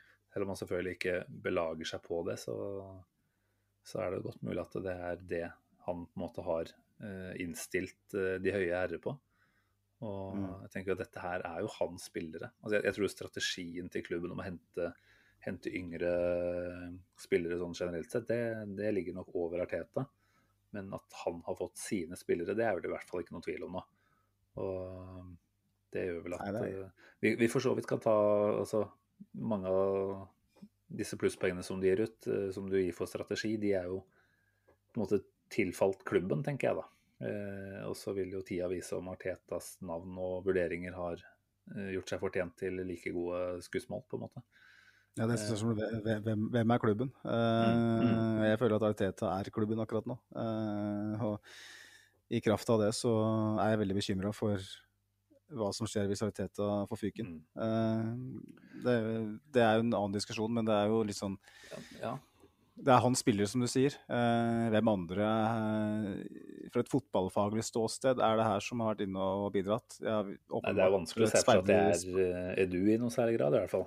Altså, du lurer på om han bare har blitt redusert til å være en parentes omtrent i den klubben her. Og ja, ryktene, ryktene, skal jo ha det til at han er den som ligger dårligst an, og vil potensielt kunne få fyken. Eh, og jeg tenker som du sier, hva er det han holder på med? For dette er Arteta sine spillere. Eh, Richard Garlick er vel sannsynligvis mannen som har gjennomført de formelle sidene ved overgangene. Mm. Eh, da tenker jeg at det som står igjen som kanskje Edus hovedoppgave den sommeren, her, har vært å prøve å kvitte seg med spillere. Det skal vi for så vidt over på ganske kjapt òg, hvem som har gått ut og hvordan det har sett ut. Men eh, men eh, jeg tenker jo at dette er Arteta sitt verk, hvilke mann som har henta inn. Han kunne gjerne sikkert sett for seg både én og to til, det tror jeg. Men av ulike årsaker sannsynligvis har ikke det latt seg gjøre. Men dette her det, det, skal bli skikkelig skikkelig stygt nå uh, framover før han får fyken. altså, Det er jeg ganske sikker på. Dette her er et prosjekt som eierne virkelig klamrer seg til at, at må fungere. For ellers så sitter vi der med skjegget i postkassa og har sannsynligvis ikke noe særlig backup-løsninger. Det er et helvetes slett arbeid som har blitt gjort fra, fra deres side å havne i en så sårbar situasjon. Men uh, igjen, det, det, er en annen podkast. Men når det gjelder du, da, jeg får spørre deg om det, Simen, før vi går videre. Uh, nå har Arteta uh, redegjort for eh, for hvorfor Arsenal har eh, agert som de har gjort på overgangsmarkedet. Vina i Venkatterson har vært ute. Eh, Jeg vet ikke om han har vært ute, men det var i hvert fall Ja, en han sendte en intern e-post til alle ansatte, vel.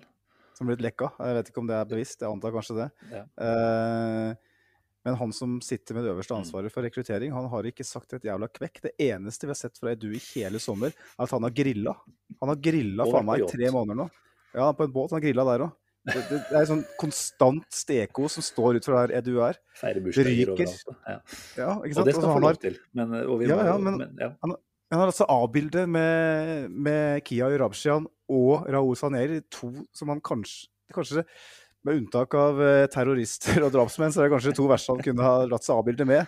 Og han har ikke vært ute nå og vist seg frem. Nei. Jeg forstår det ikke. altså Det er en sånn åpenbar greie, da, en åpenbar mulighet for å renvaske navnet sitt. Hva Mm. tenker du, Simen? Altså, jeg vet at The proof Ja. is in the pudding, eh, sannsynligvis. da. Altså, På tidligere tidspunkt i sommer så tenkte jeg at ja, ja, men at han er på litt uh, Instagram stories og legger ut Det legges ut bilder. Det var jo ikke han som la ut alt nødvendigvis selv heller. Det var vel både en, eh, en sønn og en kone involvert der også. Men, eh, men det er klart at all oppmerksomhet som har gått rundt Edu de siste månedene, det er jo det negative. Eh, Han har jo for så vidt vært avbilda på et par av disse spillersigneringene, hvor de står med hver sin eh, hånd på en skulder. Men det har vært helt, helt tyst, så vidt jeg har fått med meg i hvert fall. Og når du på en måte da utad ikke viser i større grad hvorfor du bør få lov til å beholde jobben din, så tenker jeg det skapes eh, tvil der ute. Og da tror jeg jo den tvilen allerede finner sted eh, innad i klubben. Altså, vi kan si mye om Cronkies og sånt, men de er jo ikke idioter eh, i, en, i et businessøyemed, i hvert fall. Og de også ser vel hvem som styrer sjappa her, hvem som tar avgjørelsene. Eh, og har sannsynligvis direkte kontakt med Arteta vel så mye som med du på en del, eh, en del ting, tenker jeg. Så, det var jo en eh, veldig sånn kaster... Ja, ja, nei, jeg bare tenker at det legges jo opp til at dette er ikke et prosjekt du kommer til å være en del av så veldig mye lenger. Eh, og med de ryktene som har vært de siste dagene òg, så jeg hadde jeg vært villig til å satt litt penger på at du er ute av klubben om ikke så altfor lenge. Og så er jo selvfølgelig spørsmålet igjen hvordan ser det ut? Eh, og hvem skal eventuelt komme inn og få til et samarbeid med en Arteta som nå på en måte da har tatt på seg et annet type ansvar i tillegg til eh, treneransvaret. Eh, vi kan jo være enige om at det ser jo ikke bra ut, for så vidt, hvis du får fyken. Men skal han få lov til å bare være som en slags gallionsfigur som dukker opp på bilder uten å egentlig ha noe særlig funksjon innad i klubben? Det, det også blir jo helt idiotisk. Ja, altså vi, vi vet jo ikke det er helt sikkert, selvfølgelig. uh, Nei, selvfølgelig. åpenbart. Det er viktig å uh, men uh, jeg tenker at KSI har litt å vite på å iallfall la han sitte noen måneder til. så man ikke gjør det på tidspunktet her etter det som skjedde i, i fjor sommer med, med fyken, fykingen av Sanjei da midt i vinduet. Det var midt i vinduet, det skal sies. Så det, Det det, kunne helt- jo ikke ha blitt det, det kunne jo ikke ha sett mer uproft ut, da. Men det ser jo ekstremt uproft ut hvis man på en måte bruker mer penger enn noensinne. Eh, Det ser nest, vel så uproft ut, egentlig, hvis man bruker uh, rekordmye penger uh, i et Arsenal-øyemed. Uh, I en pandemi i tillegg. Og så er sparker man han som er over ja, jo, Jo, jo, men da er vi tilbake igjen på Han er igjen en gallionsfigur, kanskje, da, mer enn han er den som faktisk tar avgjørelsene. Altså, det la man Jeg tenker at man ikke la skjul på det når man ga Arteta den nye stillingstittelen. Altså, da, da fikk han et annet type ansvar også for spillelogistikk.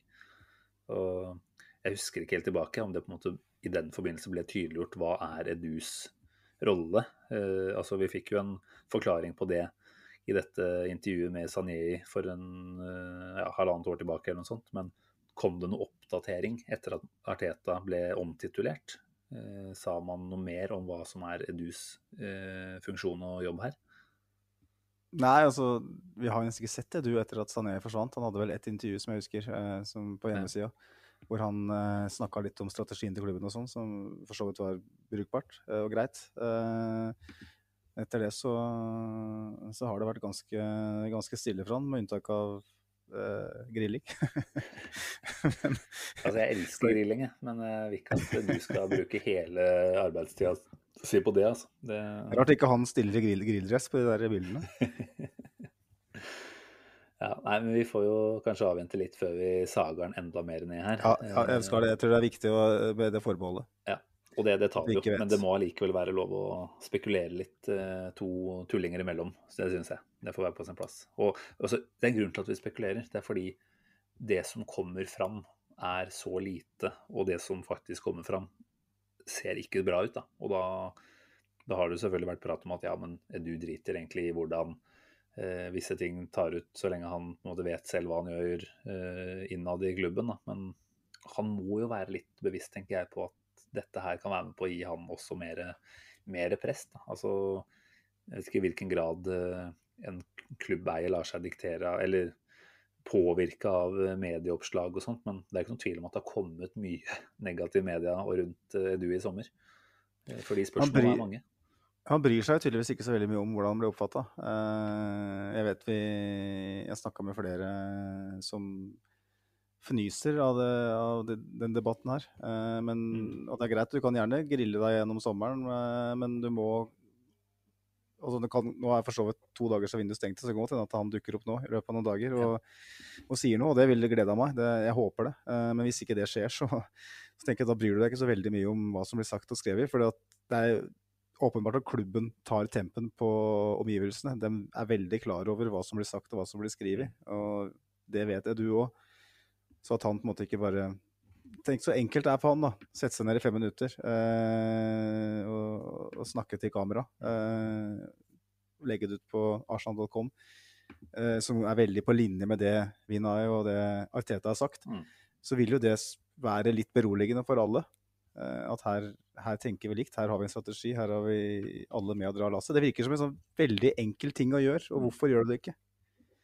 Ja, det er et godt spørsmål. Vi får se hva som dukker opp, da. Så kan vi jo ta, ta den praten videre utover høsten. Det kan jo hende at en eh, Ragnhild eller et eller annet sånt blir mer og mer eh, nevnt uh, framover òg. Vi, får, vi får bare vente og se. Eh, skal vi bevege oss over på en kjapp vurdering av den utgående businessen vi har gjort, eller?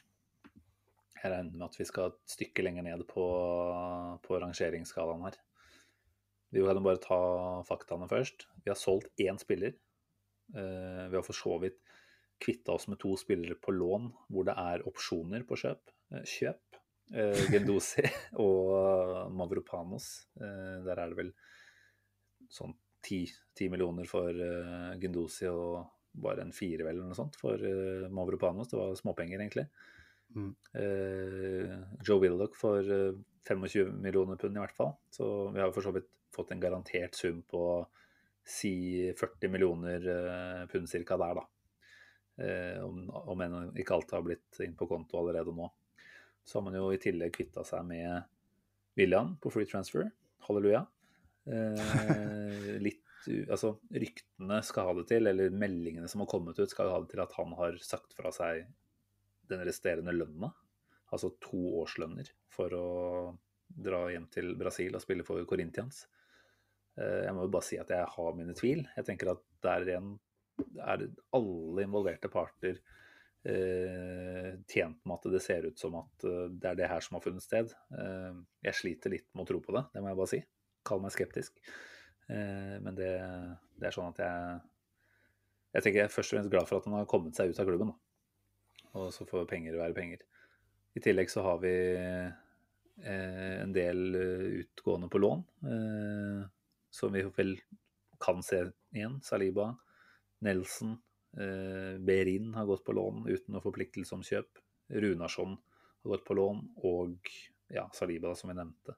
Det vel de- Torreira nevnte du han i Torreira, første selvfølgelig. Eh, Nei, selvfølgelig. for det han, der er det litt sånn usikkert, eh, Ja, virker det som, sånn, Om det er opsjon eller om det er obligasjon. Men uh, det er uansett snakk om en ganske ålreit sum, uh, 15 tross alt. ish, eller? Ja, rundt der. Og det er jo med tanke på At han absolutt ikke ville spille for Arsenal lenger. Eller, ikke, Mm. eller være i England lenger, var vel heller kanskje riktig måte å si det på. Nettopp. Ja. Da er det vel på tide, Simen, at vi beveger oss over på den utgående delen av eh, vinduet. Eh, der har vi vel begge en betydelig lavere karakter enn på inngående. Og mm, om det var vanskelig å sette karakter på innkommende, så er det i hvert fall bortimot umulig på utgående. For det, det er et et, et vindu som uh, er prega av en pandemi, uh, hvor stort sett de klubbene som har penger, er de klubbene som er foran oss på tabellen i England. uh, og da er det vanskelig å se for seg at de skal legge igjen masse penger i, i potten hos oss. Men hva tenker du, Simen? Er det er det såpass mange formildende omstendigheter der at du, at du lander på en OK karakter, eller er du, er du kritisk til måten klubben har jobba på? Altså, har man jobba hardt nok? Er, som du nevnte, off-air, er Edu um, Har han nok kontakter? Uh, Ja, hvis det er det det vi går på her, ja. Mm. Altså, jeg, nå har ikke jeg oversikt over hvordan det ser ut i de andre eh, ligaene og de andre klubbene, men jeg har et inntrykk av at det har vært ekstremt mye låneoverganger. Eh, så, så det tror jeg ikke gjelder bare for Arsenal. Eh, hadde jo selvfølgelig håpa at vi skulle selge unna noen flere enn det vi klarte her, eh, med en gang. Men ok, hvis det er sånn at det er en garantert sum i vente for både Gendosi, Mavropanos så er for så vidt det bra. Kanskje det er sånn at en Hector Behrin jeg, klarer liksom ikke å se på meg at han kommer tilbake, da. Men eh, si at han hadde fått en skikkelig ny vår på, på lån nå, fant tilbake til seg selv, så tenker jeg jo at da kan man kanskje forhandle seg fram til en eh, noe høyere overgangssum neste år, hvor det har vært litt mer eh, normale tilstander med tilskuere, og man har en del mer muligheter for å selge til, eh, til kontinentet også. For den muligheten har vel nesten ikke vært til stede nå, har jeg inntrykk av. Så jeg må jo gi du litt slack på det. Og som du nevnte tidligere, altså mye av dette bunner jo også i at Arsenal-spillernes lønnsnivå er ganske høyt. I hvert fall relativt sett i forhold til veldig mange andre klubber. Og eh, da blir det åpenbart vanskeligere å innfri samme lønnsnivå for en kjøpende klubb. Og da, da ender man fort på en sånn her løsning, da. Altså, det er eh, altså som en Runarsson, jeg vet ikke hva han sitter med i lønn, men eh, når du ser hvilken klubb som på en måte er interessert i å hente ham, altså OH Løyven fra Belgia, ikke sant. Altså, Ja. Da tenker jeg at det er en klubb som ikke er i nærheten av å kunne lønne han eh, de samme penga som, som han har fått i Arsenal. Da. Så enkelt er det. Eh, og da, da lander vi på et lån. Det er ikke sånn at vi låner ut han fordi vi håper at han får en ålreit utvikling og kan komme tilbake. Vi vil jo bli kvitt den, helt åpenbart. Så mm, nei, jeg tenker at du har ikke fått eh, utdelt det beste kortet i utgangspunktet. Det har han ikke. For det er mye av de, disse spillerne her som han ikke har vært involvert i. Og det er viktig å gi han litt slack for det. Eh, Men igjen, da. Når man, når man ser han sitte på yachter og barbecue-partyer hele sommeren, da, da lurer man jo allikevel litt på har det vært jobba hardt nok her. Mm. Ja, man gjør jo det, da. Og vi har jo allerede dekka det, for så vidt. Men uh, det, er, det er et vanskelig marked. Altså når, uh, når vi sitter og brummer bak tastaturet, når uh, Eddie Ketia ikke går permanent til, til Palace, så, så kommer det fram i etterkant at det er fordi at han ikke har blitt enig om personlige betingelser. ikke sant? Og fordi han har en agent som vel er ganske håpløs å ha med å gjøre, som også krevde noe sinnssyke fis, da. Ja, og han er jo agent for flere av de Mm. unge spillerne i Arsenal. Maitland Niles er vel en av dem. Uh, Reece Nelson tror jeg òg. så det, det, det er jo Det sier kanskje litt om hvorfor Reece Nelson ikke eh, har vært på Mm. lån før nå, eh, etter den Hoffenheim, eh, det Hoffenheim-oppholdet. Så Men det, det handler selvfølgelig litt om at uh, man høster det man sår her. Eh, det er slett klubbdrift i mange år, og helt inntil i fjor sommer i hvert fall. Uh, William, Cedric, Runarsson altså, Det er jo Det er helt sinnssykt. Altså helt, helt- sinnssykt. at det går an, liksom. Ja. Altså, man lurer jo på folk eh, Positivitetspolitiet på Twitter, eh, de lurer jo på hvorfor vi ikke støtter klubben eh, osv. Når man skriver noe negativt om måten blir drev på. Men hvordan kan man stole på? Altså, støtteklubben gjør man jo for så vidt uansett, men hvordan kan man stole på en klubb som gjør sånne dealer? Så mange sånne dealer i løpet av én sommer. Nei, igjen, vi har til gode å bli overbevist, og den sommeren vi har sett i år, den er i hvert fall et stykke på vei i riktig retning. Men, det er det, og det må bare håpe at det er ja. Men det, men det er klart, altså Vi skulle selvfølgelig altså Vi ser jo at vi går en eh, 120 millioner, 115 millioner pund i minus eh, i et koronabefengt landskap hvor ingen andre klubber omtrent bruker penger. Eh, det er jo ikke bærekraftig sannsynligvis, og det gjør at vi må tjene disse pengene på en eller annen måte eh, ganske snart allikevel. Eh, så om det kan bety at det er noen på vei ut i, i vinter, når man ser at man ikke har fått den spilletida man ønsker, og kanskje er villig til å akseptere en litt lavere lønn f.eks. av en annen, annen, klubb for å komme litt på plass igjen, eh, sportslig sett. Det, det, får vi se. Det, det er fristende å gi en skikkelig møkkakarakter på det de har fått til på outgoings, men det har vært et ekstremt vanskelig marked å, å deale i. Det. Og det var ikke mange ettertrakta Arsenal-spillere der ute. Altså, med tanke på at vi havner på en åttendeplass i ligaen og generelt sett har en overbetalt spillerstall, så, så tenker jeg at det, det, er ikke lett å gjøre noe med det. Uh, at vi får 25 millioner for Willoch, det tenker jeg er Det er omtrent der vi håpa at det skulle være ut fra prestasjonen hans, men det er jo egentlig et jævlig bra salg. Altså, det er jo Willoch som har på en måte gjort seg fortjent til den summen, men det er allikevel bra av klubben å faktisk få de pengene igjen. Så det er et pluss i boka der. Eh, Torreira-avtalen den, den, måtte komme på plass på et eller annet vis, fordi han ville ikke spille videre i England. Eh, man blir ikke gitt enkle kort på hånda der. Eh, Gendose-situasjonen den tenker jeg jo først og fremst er kanskje Artetas ansvar å bære, ikke, ikke du eller klubben som sådan. At de, de, får han ut på en opsjonskontrakt hvor han går til neste sommer, det, det tenker jeg er ålreit. Så prøver liksom å kanskje ikke være ja, Jeg hadde planer om å gi dette her en toer eller treer, fordi det har vært så ekstremt mange låneavtaler. Men når det kommer til stykket, da, du prøver å ja, rettferdiggjøre dette litt fra, fra klubbens ståsted, kanskje fra et ståsted, så syns jeg kanskje at den uh, uff, de klarte ikke å kvitte seg med Kolasinac. Det er jo Det er litt tidlig å si, da. For det, ja, ja, det tyrkiske vinduet er åpent ei uke. Eh, ikke til, sant, og, Så det er både han og Cedric og, og Eleni har blitt linka bort. Eh, Cedric han vil ikke, vil ikke, videre, skjønte jeg, men både Kolasinac og Eleni skal man okay. kanskje følge litt ekstra med på. Ja, ok. Altså, igjen, det er nesten litt for tidlig sånn sett, da, men uh, med alle omstendighetene sånn innbakt, så, så tror jeg havner midt på tre og setter en femmer på det vi har fått til på utgående. Ja, det, det er jo i din, i din, gate, det. Eh, jeg syns du har mange gode poenger, eh, og kanskje burde jeg lytta mer, mer, til deg der. Eh, men vi er nå en gang der at vi kunne ha solgt én spiller, egentlig. I løpet av så lang tid. En sommer hvor Manchester United får mer for Dan, Dan James enn vi får for Joe Willoch. ja, det er, det er, det er, det er sånn perspektiv å ta det fra, faktisk. Altså, det, er, det, er, det, er, klubber som har og Chelsea fikk uh, eh, 20 millioner pund for han der uh, ukjente stopperen. Mm. Ja. Uh, og vi får ikke Klarer ikke å kvitte oss med Vi, vi kunne ha solgt Enketa til samme klubb for litt over halvparten. Ja, ikke sant? Så, så, det, så, det, er jo åpenbart at vi, vi har litt å lære fortsatt. men, men, litt det av det handler vel om at altså, Tror du ikke klubber er såpass enkle også på en måte at de sier at og Greit nok at spillerne kanskje har et OK navn, og sånn, men okay, dere spiller i en klubb som nå ikke har kvalifisert seg engang til Europa. Automatisk, nesten, da, så ja, ja. tenker man at da går også, også en potensiell sum litt ned. Det er, det er et kjempepoeng, og det, jeg tror du har helt rett i det.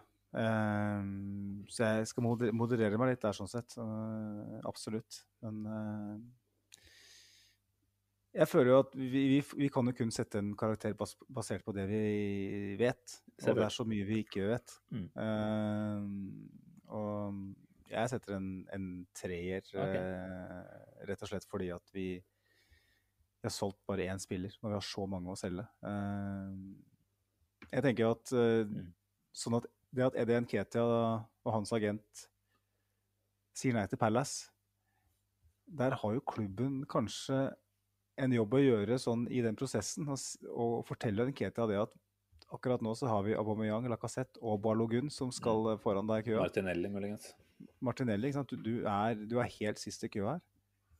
Rett og slett. Hvis du blir eh, værende her nå, så får du et år uh, wasted. Mm. Enda et år wasted mm. i karrieren din. Uh, som du absolutt ikke trenger nå. Uh, jeg føler liksom at her, her kunne man ha fått til et eller annet hvis man hadde vært litt mer kompromissløs. Mm. eh, Som var, på en måte var hele utgangspunktet for vinduet fra, fra klubben sin side. Eh, Maitland Niles, eh, litt s- samme greie. Eh, hvorfor, hvorfor, hvorfor er det sånn som eh, han Clive sa i Arsenal Vision-podkasten, liksom? Hvorfor, hvorfor er det ingen Maitland Niles kan snakke med klubben? Hvorfor må han liksom ut og Mm. melde på Instagram på den måten her. Jeg vet at han, han har vært litt sånn outspoken tidligere òg, spesielt da han var ung. Han har en Eh, liten historikk etter hvert, har han ikke det?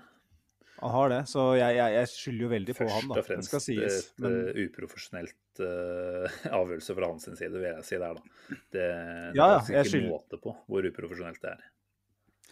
jeg er helt enig i det. Det er- Han skal ha 80 av skylda der, men det er liksom Igjen, da. eh, Det virker som det ikke kommuniseres nok til spillere da, hva som er greia. Eh, Det har vært Jeg tolker det som om det er litt diffust for, eh, for spillere. Det har vært en del vingling. Eh, Det ser du litt på laguttak òg. At uh, Arteta er litt sånn Han klarer ikke helt å bestemme seg for hvem han skal satse på.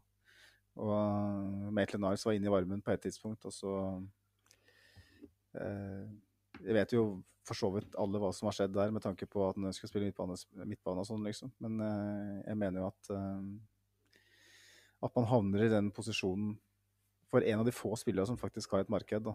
Jeg er ganske sikker på at uh, i det minste du kunne fått til en låneavtale for Maitland Niles tidligere i vinduet, hvis du hadde gått inn for det. Mm. Eh, og så blir det et sånt jævla sirkus. Vi vet at Maitland Niles er kompis med Aubameyang og Lacassette og sånn, eh, som er store, prominente ledestjerner i laget. Det er ikke positivt at han er så Føler seg så nede at han føler for å melde på, på Instagram på den måten. Eh, det, er liksom, det, er, det er noe som trekker litt ned for meg, da, selv om jeg vet at Maitland Niles skal ha mest skyld. Er altså, vi hørte at det var snakk om en eh, forsoningssamtale med Arteta dagen etter, vel der, og, eller ettermiddagen etter. og Det ville jo kanskje vært naturlig, tenker jeg, at når du først har brukt sosiale medier én gang, så bruker du sosiale medier eh, da i en etterfølgelse av det for å klare opp i noe. Hvis ikke klubben bare har sagt du, du skal ikke være på sosiale medier ever again mens du er i den klubben her. men, eh, men jeg tenker at det er noe med igjen å det ville vært naturlig i mine øyne i hvert fall at eh, det kommer ikke en slags beklagelse nødvendigvis, men i hvert fall en, en forklaring på hvorfor han var frustrert. Ikke noe inngående. altså De har jo PR-folk som kunne hjulpet dem å forfatte noe ganske enkelt og effektivt der. Eh, bare for å liksom ja, kommunisere litt mer igjen. Da. Det er jo det som igjen blir mangelvaren her. Det er uh, altfor lite kommunikasjon ut fra klubben. Og det blir så mye å spekulere i. Og vi bidrar jo til den spekulasjonen, vi òg. Men eh, sånn er det nå når vi holder med den klubben her, at da, da sitter vi og lurer fælt på mye. Ja, det var jo en av de tingene som ble kommunisert fra Arteta når han tok over, at vi skal bli mer transparente som, som klubb. Og det begynte veldig bra, eh, men jeg syns eh, etter hvert at det har blitt mer eh, grumsete igjen. Eh, vanskelig å vite liksom hva, hva er strategien her. og eh, Spillere virker òg å være litt sånn usikre på, på nettopp det. Da. Eh, det, det. Det synes både utenfor banen og på banen. Eh, og nå har vi da Og så må jeg bare si det, da, Simen, at nå er vinduet stengt, endelig. Eh, vi har, selv om det ikke har vært så mange rene salg, eller har vært ett rent, rent salg, så har vi kvittet oss med ganske mange spillere. Mm. Eh, vi har fått inn de spillere Teta ønsker. Om, I den grad det går an å skrive av tre kamper eh, i en sesong, så føler jeg at om ikke sesongen starter mot Brentford, så starter den i hvert fall nå. Mm. Nå er hver eneste kamp eh, noe Arteta skal måles på, noe klubben skal måles på. Mm. Hvis man ikke nå eh, Og da klarer snakker å vi vise både resultater og prestasjoner. Beklager at jeg avbryter, men i mine øyne så er det viktig at vi får se begge deler. Det er helt åpenbart. Det er helt åpenbart. Hvis, det snakka vi litt om før vi begynte å spille inn i dag òg. Hvis vi vinner 1-0 mot Norwich etter å ha blitt dominert og bare flakser oss til en seier, så, så kommer det til å føles som et tap. Mm. Eh, sannsynligvis, på et vis. For det, nå, nå, nå trenger vi at, eh, at vi ser en progresjon her. og vi ser, eh, ser at det er en plan med det som foregår. Hvis ikke så så kommer den der negativiteten til å, å fortsette, og det kommer til å være spørsmålstegn hele veien og støy i, på tribunene. Og nei, det er Nå er det virkelig eh, virkelig en periode. Ja, det er showtime. Altså. Vi skal ikke gleder, bidra til mer negativitet. Jeg tenker, Kan ikke vi bare være skikkelig positive nå? Magnus? Også nå har vi snakka om overgangsvinduet i snart to timer. Kan vi ikke bare, kan vi ikke bare si at faen heller, det de har gjort i sommer, i hvert fall i form av hva de har uh, plukka inn, det vitner om en strategi. Det vitner om forhåpentligvis en talentspotting som er ganske ålreit. Jeg ser Lokonga får eh, landslagsdebuten sin her i kveld. Eh, Det er åpenbart at vi henter spennende spillere som kan utvikle seg, og sannsynligvis kommer til å utvikle seg. Altså, vi må se noen resultater fort som faen, for ellers så blir dette her grisestygt. Men uh, la oss være positive. La oss tenke at dette her kommer til å bli mye, mye, mye bedre de neste månedene. ja, altså, Vi, vi er avslutter der. Vi snakker ikke mer nå. Nei, takk for i dag. Nei, det er greit. Altså. Nei, men eh, jeg er enig med deg. Vi, vi, må, jo, vi må jo, som vi snakka litt om tidligere, må vi som supporter så ønsker vi at, eh, at eh, klubben tenker riktig og, og gjør de rette tinga. Og nå, nå har Arteta fått sine menn. Nå, nå må vi bare håpe at det, at det funker, og funker det ikke, så får vi ta den debatten en annen gang. Vi kommer nok tilbake til det, uansett hvordan det blir. Vi er vel Er vi muligens tilbake med en ny pod før Norwich, eller? Det kan jeg ikke si at jeg kan garantere. Nei, Vi får se. Vi får se hva, hva vi får til, rett og slett. Det, hvis det blir noe å snakke om, eller hvis vi skulle eh, snuble over noen gjester som er interessante, så kan det hende. Men eh, I så fall så må jo kunne si at vi har jo sett denne deilige nye elveren har gått sin runddans på Twitter i de siste dagene. og liksom Nå tror jeg kanskje ikke nødvendigvis vi får Party fra start, og kanskje ikke Tomiyasu heller, fordi han er så ny. Men det er klart når du ser den lineupen, Ram, Ramsdale, Tomiyasu, White, Gabriel, Tierney, Lokonga, Party, Saka, Ødegaard, Smith-Roe, Aubameyang på topp, kjenner jo at det markerer jo på en måte en, noe nytt, det òg. Det er litt sånn vi trenger noe shiny new shoes og bare bli blenda litt av, sånn at vi glemmer alt som har vært og føler oss litt nye og spennende igjen, rett og slett. Jeg må jo si at eh, i den grad alle de hadde vært klare, og Arteta hadde ansett de for å være klare, så hadde det vært ekstremt kult å ha hatt de på plass allerede mot Norwich. ja, det er en ny æra, kan du si. Uh, igjen. Igjen. Det har vært ganske mange nye æraer. vært noen det korte siste- her i det siste. Ja, jeg håper det blir en ny, lang æra. Ja. Uh, men eh, det er klart eh, Grunnen til at den lineupen høres spennende ut, er fordi at man Ikke har sett den før. helt Det er litt sånn som når Ariteta kommer som manager. Man vet jo på en måte ikke Mm. helt hva han står for. Han bare har et håp om at, eh, at det skal funke. Ja. Eh, og man har ikke den negative, den negative bagasjen eh, med mange av de spillere. De er liksom ubeskrevne blad. Så det kan jo gå begge veier. Men eh, jeg er helt enig med deg. Det, det gir jo helt klart en annen atmosfære med en gang hvis man har noe nytt og spennende. Mm. Det, det begynner å nærme seg et sted hvor vi kan avslutte, gjør det ikke det? Eh, En ting som vi burde ha bare nevnt med to ord, det var jo når vi snakker om overganger. Det er jo en liste med free agents ute og går. Eh, vi kan jo hente de fortsatt, som kjent. Eh, sånn i forhold til verdi på spillere, vet du hvem som topper den eh, lista, eller? Aner ikke. Serge Aurier. Er han på toppen, ja? Altså i forhold til market value, da. Altså, Da har det tatt alder i betraktning og sikkert uh, hvor de har vært sist og alt dette her. ja. Sier du ja takk til Serge Aurier? Nei. Nei, altså Jeg kan vel lykkelig registrere at han ikke er klienten til Kiar Rabshan, så vidt jeg vet. Eh, Takk og pris. Så da tenker jeg at sjansen er ganske liten. Det vil jo være en veldig, veldig rar overgang nå. Selv om jeg vet så at eh, det var noen medier nå som skrev, tyrkiske medier faktisk, De, de er jo så upålitelige at uh, det er jo prestasjonen i seg Det er frekt å si, altså. Er det det? Nei, jeg bare kødder. Og det er det? Ja, nei, for det, de skrev at eh, Arsenal hadde interesse for den, at uh, Ariteta hadde gitt klarsignal til å gå i forhandlinger. Men eh, Nei, jeg ser ikke den, altså. det er bare piss. Arsenal-fan, da. Kan like det. Ja, nei. jeg tror ikke det er plass i troppen heller per i dag. Eh, Da måtte vi kvitte oss med en annen eh, ikke-engelsk spiller. Det kan det hende vi gjør, for så vidt. Men eh, da liker jeg heller at det er en ekstra plass der, og at vi kan gjøre noe litt vettugere i januar, forhåpentligvis, hvis det er behov Hvor mange høyrebekker skal vi ha, da? Det var noe med det òg, ikke sant. Men Tomiyasu er stopper, han, vet du. Stopper og sentral. Callum Chambers er stopper og Maitland er som midtbanespiller. Ben White er defensiv midtbane. Ja, ja. Trenger Så- flere hørebekker. Nei, men du, vi får runde av der for i dag. Det har vært en lang og innholdsrik prat eh, nok en gang her, altså. Så, I hvert fall lang.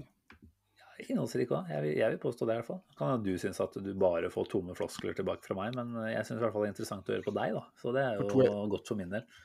For to episoder siden så satt du og sa at, uh, at det vi presenterte bare var søppel. Var det ikke det du sa? Nest bortimot. Jo, det for så Så vidt det- eh, sant mye av tida, men i dag så føler jeg vi har vært OK. Det er en ny strategi eh, fra din side. Det er en ny æra, Magnus. tran, ny, ny æra. Transparent eh, æra med ungt pågangsmot. Yes. Ja, nei, men vi, vi sier takk for i kveld der, da. Det er eh, mer enn nok nå. Ja, da er det bare å eh, slokke grillen og komme seg i seng. Grillen slokkes aldri. Kan du bare ta med siste pluss? Arsenal signerte ikke Filip Coutinho i sommer. Det er, et- det er et pluss å avslutte sendinga på. Ja, da gir vi oss med en gang. hadde frykta det. Ja, nei, men eh, til alle som lytter, tusen hjertelig takk for at dere er med oss uh, uke etter uke. Det er veldig kult. Setter pris på det. Og setter også pris på om dere tar dere tida, dere som ikke har gjort det ennå, med å gå inn og like oss på Facebook eller Twitter.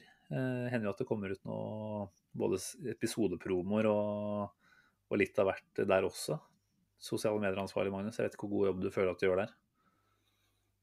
Sporadisk bra. Ja, tidlig, jeg har ikke lyst til å være så veldig transparent der. så- Du er en Granit Xhaka på sosiale medier.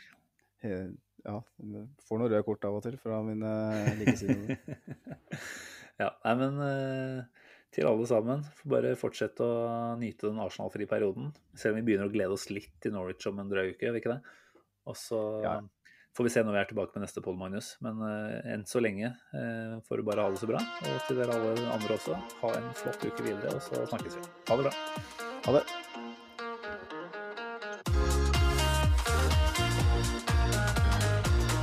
This train terminates here.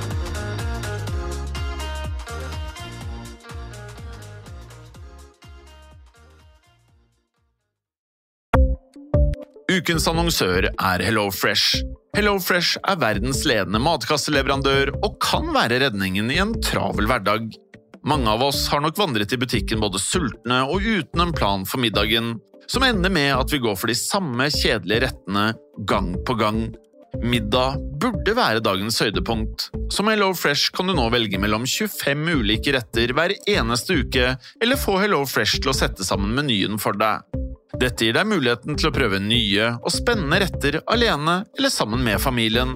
Du velger antall porsjoner og får alt levert på døren på et tidspunkt som passer for deg. Oppskriftene er enkle, og maten er lett å lage både for store og for små. Ved å få alt levert hjem får du også mer tid til å dele matgleden med familie og venner. Kanskje det frister med asiatiske tacos eller greskinspirert kylling? Da kan jeg anbefale deg om å gå inn på hellofresh.no. Her kan du bruke koden FOTBALL og få opptil 1779 kroner i rabatt på de første fem matkastene hvis du ikke har prøvd HelloFresh tidligere. Du kan også bruke rabatten hvis du har vært kunde og stoppet abonnementet ditt for tolv måneder siden eller lengre. Gå inn på hellofresh.no og bruk koden FOTBALL. Har du et enkeltpersonforetak eller en liten bedrift? Da er du sikkert lei av å høre meg snakke om hvor enkelt det er med kvitteringer og bilag i fiken, så vi eh, gir oss her, vi. Fordi vi liker enkelt. Fiken superenkelt regnskap.